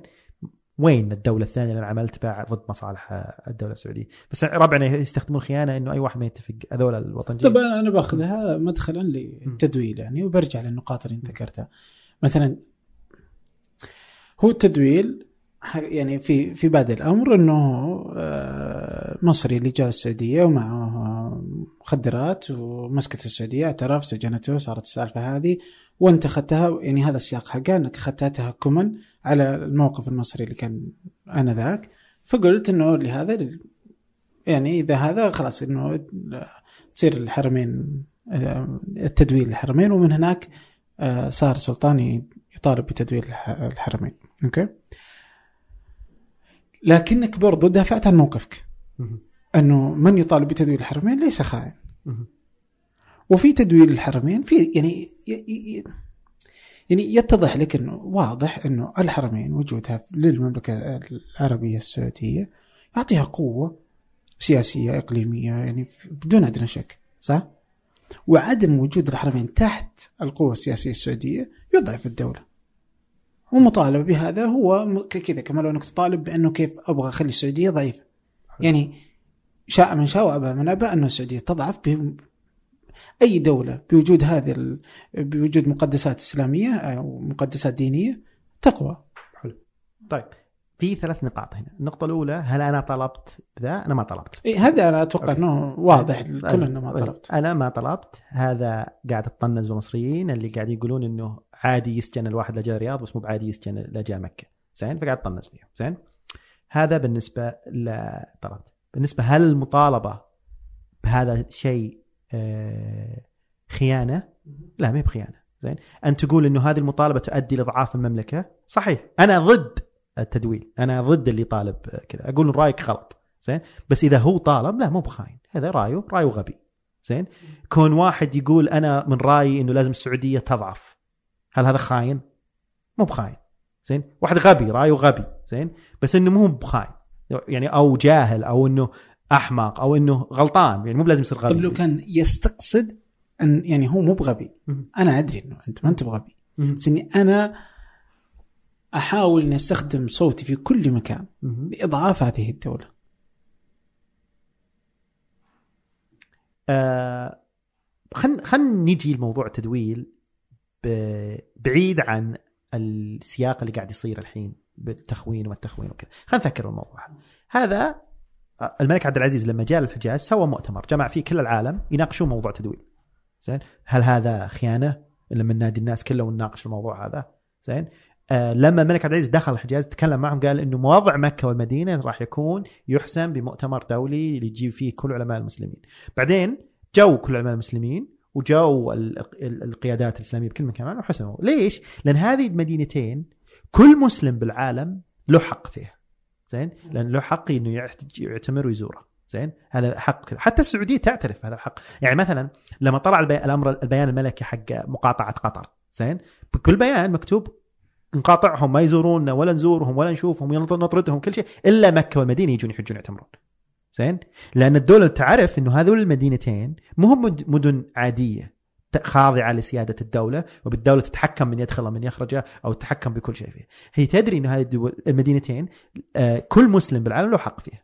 زين؟ فهذا لكن هل كل مسلم بالعالم له سيادة عليها؟ هذا أنا ضده. أنا أقول السيادة على مكة والمدينه هي للسعودية. زين؟ وهذا آه، مثله مثل أي مدينة عربية تخاضع لدولة عربية السيادة فيها للدولة اللي هي تحكمه. زين؟ والشعب السعودي هو اللي يقرر وش اللي يصير بهذه فاي واحد يطالب بالتدويل من برا زين؟ أنا مرفوض مطلبه أو كذا. وواضح إنه يهاجم السعودية أو يحاول يستغل ثغرة إن المسلمين لهم حق فيها علشان يطالب. الحين نجي سعوديين يناقشون هذا الموضوع. هذه بلدنا ونناقش هذا الموضوع. الحين الحين نيوم زين؟ تبي تصير مفتوحة لكل أحد يجي. اي أي واحد يقدر يدخله؟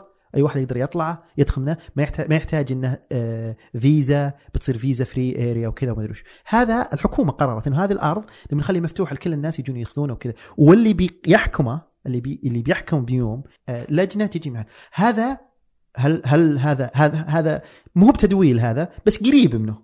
زين؟ هذه أرض بتصير خاضعة اللجنة جاية من كل شركات العالم. هل هذا خيانة؟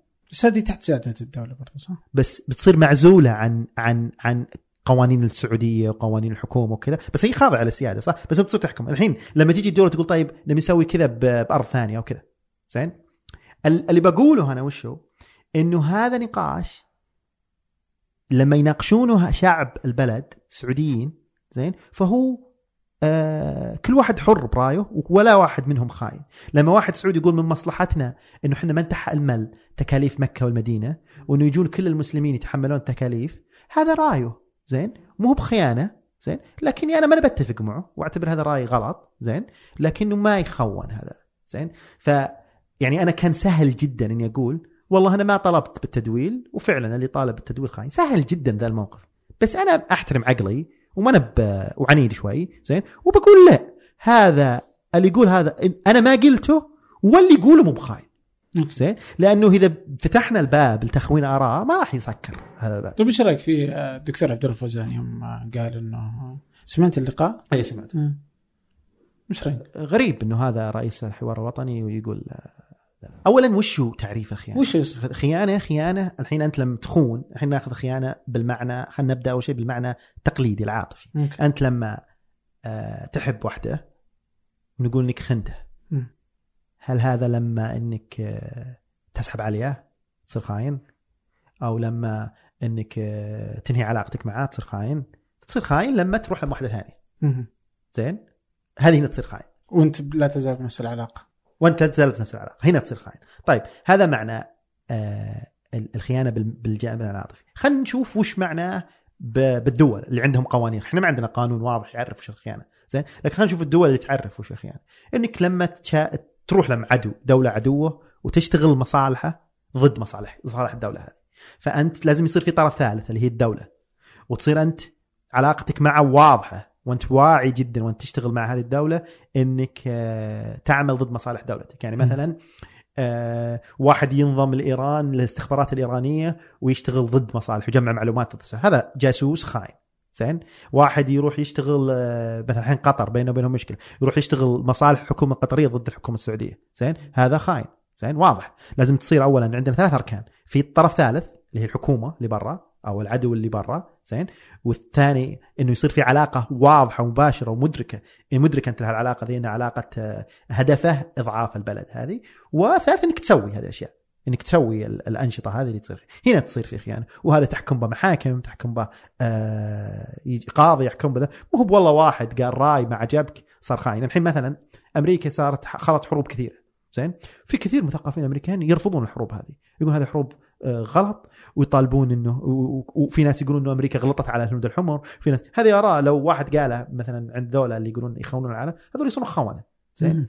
فتخوين هنا قاعد يستخدم لإسكات أي صوت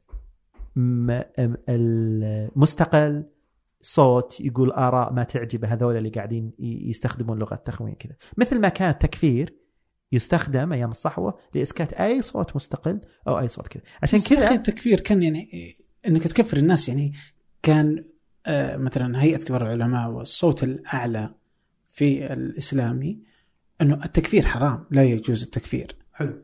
اليوم تخوين ما يعني من اللي يقول لك إنه آه ما يحق لك التخون يعني؟ حلو. هذا هذا هذا يعني يخلي المشكلة أكبر. بعد مو بصحيح إنه إنه إنه موقف المؤسسات الدينية السعودية تتغير عبر الوقت. أيام عز الصحوة وكذا كان لا عادي التكفير على يعني موجود زين. يعني حتى الظاهر إنه بن باز تكلم عن كثير من المثقفين وكذا وقال عنهم أو اتهمهم أو شيء زي كذا. لما الظاهر مقدمة آه، الحداثة في ميزان الإسلام تكلم عن الحداثيين هذول فيهم مشاكل شرعية أو كذا مو بلازم تكفير لكن قال إنهم حولك مو بعيد. بس ما كان يحق للعامة التكفير.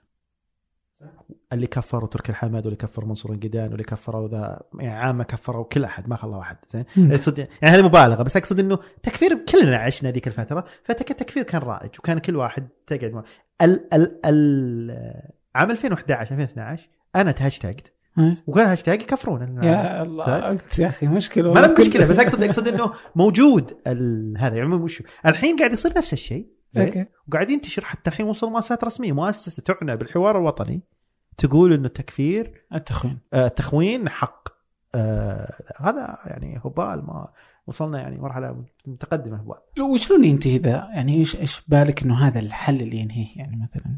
ينتهي هذا إنه تضمن حرية التعبير زين؟ وتضمن مساحات طيب دائما يكرر مثلا الملك. يعني في في مقطع في يوتيوب انه الدولة قامت لتكفل حريه التعبير. صحيح. آه في تصريحات كثيرة. حتى محمد بن سلمان تكلم بالمقابلات حقاته يقول وش مساحات حرية التعبير اللي موجودة وكل شيء. لكن عندنا إشكالية إنه هاي التصريحات تقول شيء والنظام المعمول فيه بالبلد اللي هي نظام الجرائم المعلوماتية نظام آه، مكافحة الإرهاب نظام هذه الأنظمة تقول شيء ثاني. يعني نظام جرائم معلوماتية أقدر أي تغريدة تقولها أنت أخليها إنها تمس بالسلم الوطني واللحمه الوطنيه وما أدري وش وتروح فيها. زين؟ فما عندنا نصوص واضحة تكفل حرية التعبير. بحيث لما واحد يتكلم يعرف وشو اللي يقدر يتكلم فيه واللي ما يقدر يتكلم فيه. هذا كله مو بواضح كله عائم لدرجة إنه إحنا كنا نقول أشياء 2012 2013 2011 ونعتبر إنه هذه عادية وكل يقولها والحين انت حاسب على الأشياء اللي تقولها ب 2011 2012 2013 كل هذه التغريدات اللي الحين جابوها انها إنها خيانة كانت مكتوبة ب 2011 2012 وراه ب 2012 ما صارت خيانة. ليش الحين تحرث وتطلع وتصير آه، خيانة؟ لأنه بالنهاية هذه الحملة ما له مهب مهب حمله أصلا يهمها الخيانة ولا الوطن ولا ما أدري وش هذه حملة تهدف إلى السيطرة على الفضاء العام في تويتر. زين؟ وإنه بعد حادثة جمال بدأت تطلع أصوات كثيرة مستقلة. بدأت تطلع أصوات كثيرة آه، تقول آراء غير الآراء اللي كانت سائدة. زين؟ أيام ما كان سعود القحطاني موجود. زين؟ فالحين آه لما أنا وغيري بدأوا يتكلمون بدأوا يستخدمون الوطن والخيانة والتخوين وما أدري وشو عزمي وما أدري وشو كذا كذا لإسكات هذه الأصوات. زين؟ وشيطنتها. وعزله عن السياق العام ال- الموجود إيه لا. واضح بعد الأزمة يعني جميل الرويل يتكلم وكذا بس إنه طلع. قال خلاص إنه تركت هذه المساحة كلها. وأكثر من واحد كذا رمى الكلمة ومشى. في ناس اللي يحاولوا إنه يكونون لطيفين يعني برضو ما سلموا يعني زياد. إدريس آه وأنت يعني آه مسألة أخرى آه إنك وصلت لإنك مثلا كذا إنك تكلمت على آه مستشار برتبة وزير بهذا الشكل على نائب آه الاستخبارات بهذا الشكل. تحس إنه يعني في جرأة أعلى مما يجب يعني. أنا أحس إنه الحادثة اللي هذول تسببوا في حدوثها زين إذا صح إنه هم المتسببين فيها لأنه كل ال- القرائن اللي موجودة تقول إنه هم المتسببين فيها. لأنه عزلهم بسبب الحادثة هذه بنفس الوقت اللي أعلن عن مقتل جمال يبي يقول لنا انهم مرتبطه آه، وجودهم وتغيير الاستخبارات كذا يبين كل هذه قرائن تبين إنهم مسؤولين أو. لهم علاقة بالموضوع. زين؟ فإذا هم تسببوا بهذا فأنا أقول إنه اللي أنا قلته أقل من ال... من الواجب إنه ينقال. لأن المفروض ينقال أكبر كذا لأن هذول تسببوا بأكبر مشكلة دبلوماسية وأكبر تشويه لصورة السعودية على مر تاريخ السعودية. زين ولازم إنه. إنه. يتم التعامل معهم والكلام حولهم ودورهم كذا بشكل أوضح واصرح من الكلام اللي أنا قلته okay طيب آه كلامك اللي كنت تقوله okay يعني 2011 2012 2010 وأنت ماشي يعني أتوقع إنه هذا الحوار ما كنا ما م- م- عادي كان بيكون برضه حوار عادي. أنت- أول شيء أنت الحين يوم كتبت هذيك التغريدات وكذا والآن أنت فعلا خايف؟ آه، أنا من 2013 وأنا خايف. أوه. إي من يوم ما طلع قانون الإرهاب والسجن حق الحسم لأنه أنا أحس إنه 2013 آه. هي السنة اللي تغير كل شيء بقى.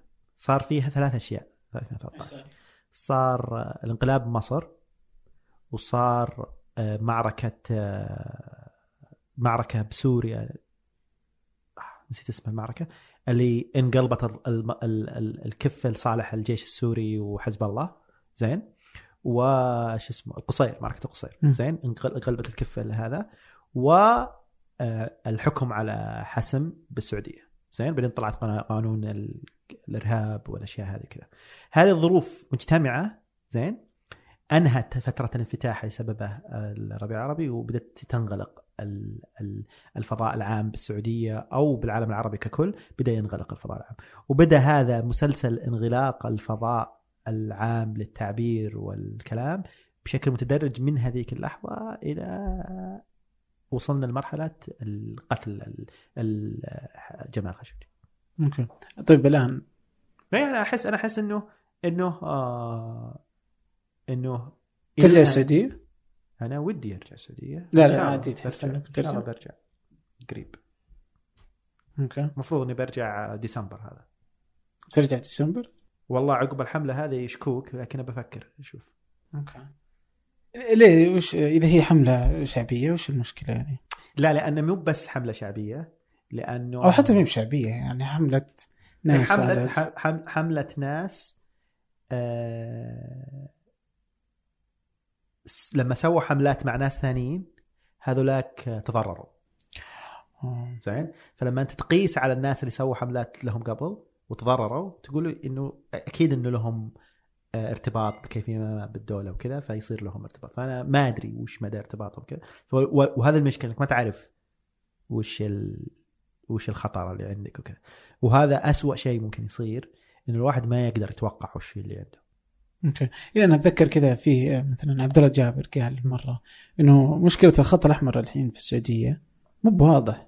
يعني بعض مرات تنتقد وتصير نقد عادي بعض مرات النقد ممكن يعرضك للسجن ممكن يعرضك المساعدة ممكن النيابة العامة فجأة. ويزيد وينقص مو هو بسبب إنه القوانين تغيرت بسبب جو عام انت لازم تصير عندك حاسة سابعة أو حاسة ثامنة تقدر تصيد الجو العام هذا.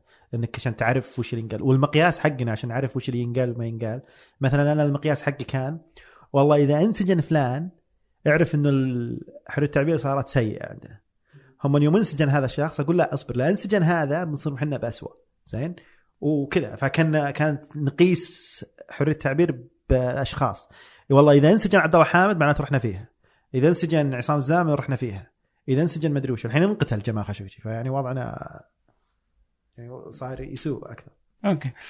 جمال خاشقجي آه وما قبله يعني حتى أصلا. يعني مثلا آه بنتذكر إنه آه أيام ما اعتقلوا مثلا عزيز اليوسف مع النساء في في رمضان. على طول طلعت الصحف وتكلمت بتخوينهم. اليوم صار جمال. إلى الآن لم يتحدث أحد في هذه المسألة مثلا من المسؤول عنها وإنه الإعلام ما كان موجود. كانت واحدة من مطالباتك يعني. اي يعني اي يعني شفت ال- البون الواسع ما بين الاستعجال في إنه جعلهم في الصفحات الأولى وبعنوان خائن إلى إنه كما لو أن شيئا لم يحدث. فكانت واحدة من مطالباتك بحرية الإعلام. أي أنا أشوف إنه حرية التعبير بالسعودية في لها فوائد كثيرة. اترك اترك كونها حق اترك كونها المنطلق سياسي واخلاقي انه يكون حق. حتى لو جينا بنحسبه حسبه اقتصادية وكذا مفيدة. مم. أول شيء تكاليف كل الاجهزه ذي اللي تراقب وتقمع وكذا بتروح عليك. زين؟ فالقروش توفر. زين؟ فتروح على كل الأجهزة ذي. وزارة الإعلام ذي كلها تروح ترتاح زين؟ آه هذا من ناحية م- م- اقتصادية. من ناحية آه آه تنموية وكذا أنا دائما أضرب المثال هذا لأنه هو المثال هذا يوضح وش فائده حرية الإعلام الحين لما اختفى جمال خاشقجي بعده بيومين صارت مقابلة بلومبرج وسألوا آه الأمير محمد سلمان قالوا له وين جمال خاشقجي؟ قال إنه الأخبار اللي جتن تقول إنه طلع بعد ما دخل بنص ساعة. زين بعدين طلع برويترز إنه هذول الناس اللي قتلوا جمال خاشقجي كتبوا تقرير مزور وقالوا إنه طلع ورفعوه ل... للي فوقهم واللي فوقهم وصله ل... لليمين. الحين أي مسؤول؟ وشلون يشوف العالم؟ الحين مثلا خذ ترامب زين؟ ترامب يجي يقوم يقعد بمكتب رئيس أمريكا. رئيس دولة 300 مليون إنسان في مليون قضية مليون كذا. لما يجي يقعد بمكتبه يقول يلا وش القضايا؟ مين اللي يحدد له وش الأولويات؟ المساعدين حقينه هم اللي يعطونه ال- الملخص الأحداث اللي قاعدة تصير. هم اللي يعطونه وش هي القضايا اللي يحتاج إنه يتكلم عنها وكذا. فهذول اللي حوله هو اللي هو يعتمد عليهم هم اللي يعطونه هذه الأشياء. زين؟ فهو كشخص عنده نقص بالمعلومات لأنه إنسان طبيعي عنده نقص بالمعلومات فيحتاج هذول الناس المحيطين فيه إنه يزودونه بالمعلومات والأخبار والأشياء وكذا. وهذول الناس عندهم لأنهم هم اللي يزودون المعلومات عندهم سلطة إنهم يتحكمون وش المعلومات اللي يسمعها وش المعلومات اللي نقدر نمنعها عنه. زين؟ فتخيل لو صار آه، قنبلة نووية ضربت بأمريكا. زين؟ وجاء تر- ترامب قاعد على كرسيه وما شاف ما في تلفزيونات ما في أخبار ما في جرايد ما في كذا. وقعد وقال وش اللي صار؟ وجاء وقالوا له والله ما في شيء وكذا. ما راح يدري عنه لأنه هو يعتمد على هذول الناس إنهم يزودون بالاخبار لكن لما يفتح ال CNN ويقرأ الواشنطن بوست أو يقرأ الجرايد وكذا اللي هي حرة ومستقلة ولا يجي شيء فيصير عنده مصدر ثاني لتزويده بالمعلومات اللي حول العالم وحول كذا تختلف عن أولويات الناس المحيطين فيه. فالمسؤول يقدر يتحرر من الناس اللي حوله ومن إنهم يقدرون يتحكمون بوش المعلومات اللي تدخل له وكذا بأنه يكون عنده مصادر كذا مفتوحة للإعلام والمدري إيش وكذا. لكن لما كل شيء متحكم فيه حتى المصادر الصحفية وكذا فتصير تقراه بالجرايد هو نفسه اللي يجيك بالتقارير. زين؟ فتصير أنت ما عندك قدرة إنك تعرف هل التقرير اللي جاك هذا من إسطنبول زين؟ هل هو صحيح ولا مو صحيح؟ لأنه ما في مساحات ما عندك صحفيين يروحون يد- يدورون يفتشون وما أدري وش وكذا. فأنا أقول حتى هذه الحرية التعبير غير غير إنه حق وغير إنه كذا وغير إنه غير مكلفه اقتصاديا وكذا مفيدة لأنه تساعد المسؤولين وكذا إنهم يراقبون أنفسهم. يراقبون الشغل ربعهم وكذا ويتأكدون من الحقائق اللي تجيهم من مصدر خارجي مستقل إنه يقدر يصير في نوع من التأكد للاخبار وكذا. فهذا في, في, في, في الدول اللي تحط حرية الاعلام ما تحطها لأنه والله بس كذا لأنه مفيدة لأنه لأنه الناس تقدر آه، تعرف آه تصادم الاخبار أنت تقول انت خبر وهذا يقول ذا خبر وهذا كذا. يصير هذا التنافس على من هو اللي عنده الخبر الصح وخبر ذا. يفيد المسؤول يفيد المواطن يفيد كذا إنهم يصير عندهم آه وصول سهل للمعلومات. اللي اللي تساعد على إنه اتخاذ القرار يكون آه، أقرب وش يبون الناس وش اللي ما يبون الناس وكذا. طيب آه نقدر نشوف أمثلة لدول ثانية. وضعها جيد ممتازة وما فيها لا حرية إعلام ولا بطيخ و... وما أبغى أحد وأبغى أسيطر على الموضوع هذا. صورتهم أمام العالم جيدة لا يوجد يعني هذا المشهد. فإذا أرادت السعودية أن يكون هذا الشكل لما لا؟ الامارات مثلا؟ مين يقول؟ مين يقول إنه الوضع هناك؟ كل الناس تشوفها تقول أوه دبي أبو ظبي الجمال الإبداع حلو. الدول المتقدمة. المشكلة صح؟ بال- بالإمارات؟ حرية التعبير أي المشكلة لا تكاد موجودة. المشكلة بالإمارات زين. آه اولا عندهم شعب قليل جدا عدده زين. وعندهم قروش كثيرة جدا زين. فمهما أخطيت زين عندك قروش تعوض الأخطاء ذي زين. وعندك شعب ما يحتاج يشتكي لأنك تقدر آه توفر له كل ال- ال- الرفاهية لأنه عدده قليل. زين؟ فعندهم اللي اللي عند الإمارات مو بعندنا عندهم رفاهية إنهم يخطون إلى إلى قبل. زين؟ بدون ما شو اسمه بدون ما يأثر الخطر الخطأ هذا على على سياساتهم ليه ما عندنا الرفاهيه هذه؟ لأن أنت عندك عدد سكان عالي ولا عندك الفائض الثروة اللي مثل اللي عند الإمارات. okay. طيب سنغافورة. نفس الشيء. أقصد إنه آه، اولا من ناحية سنغافورة ما هو مثل الإمارات وعندهم شعب يعني عدده كبير وكذا وما أدري وشو. بس إنه آه، مين يقول إنه بسنغافورة ما في هذا ال access على المعلومات اللي موجود. موجود موجود.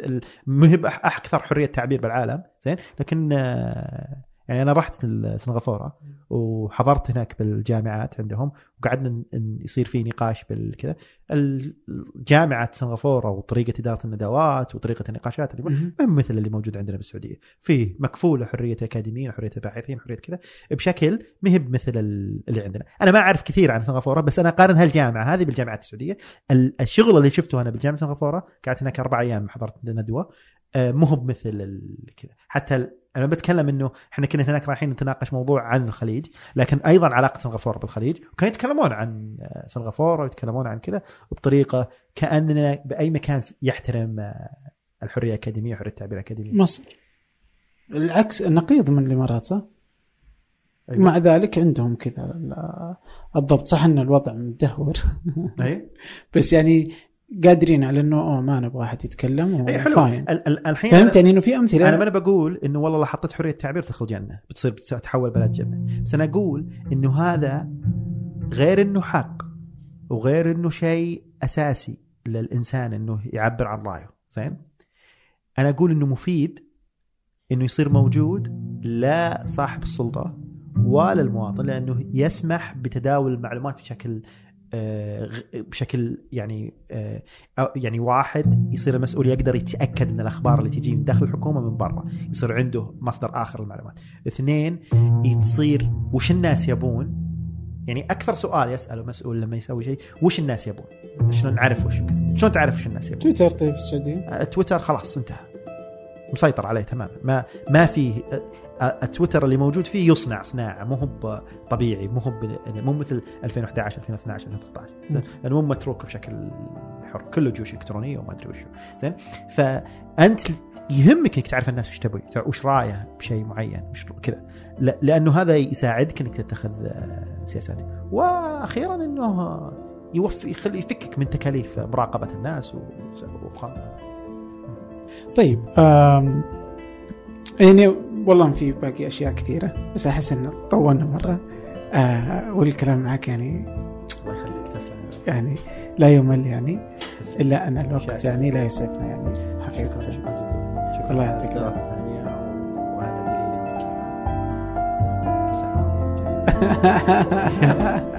حبيبي الله يسعدك. شكرا جزيلا لك.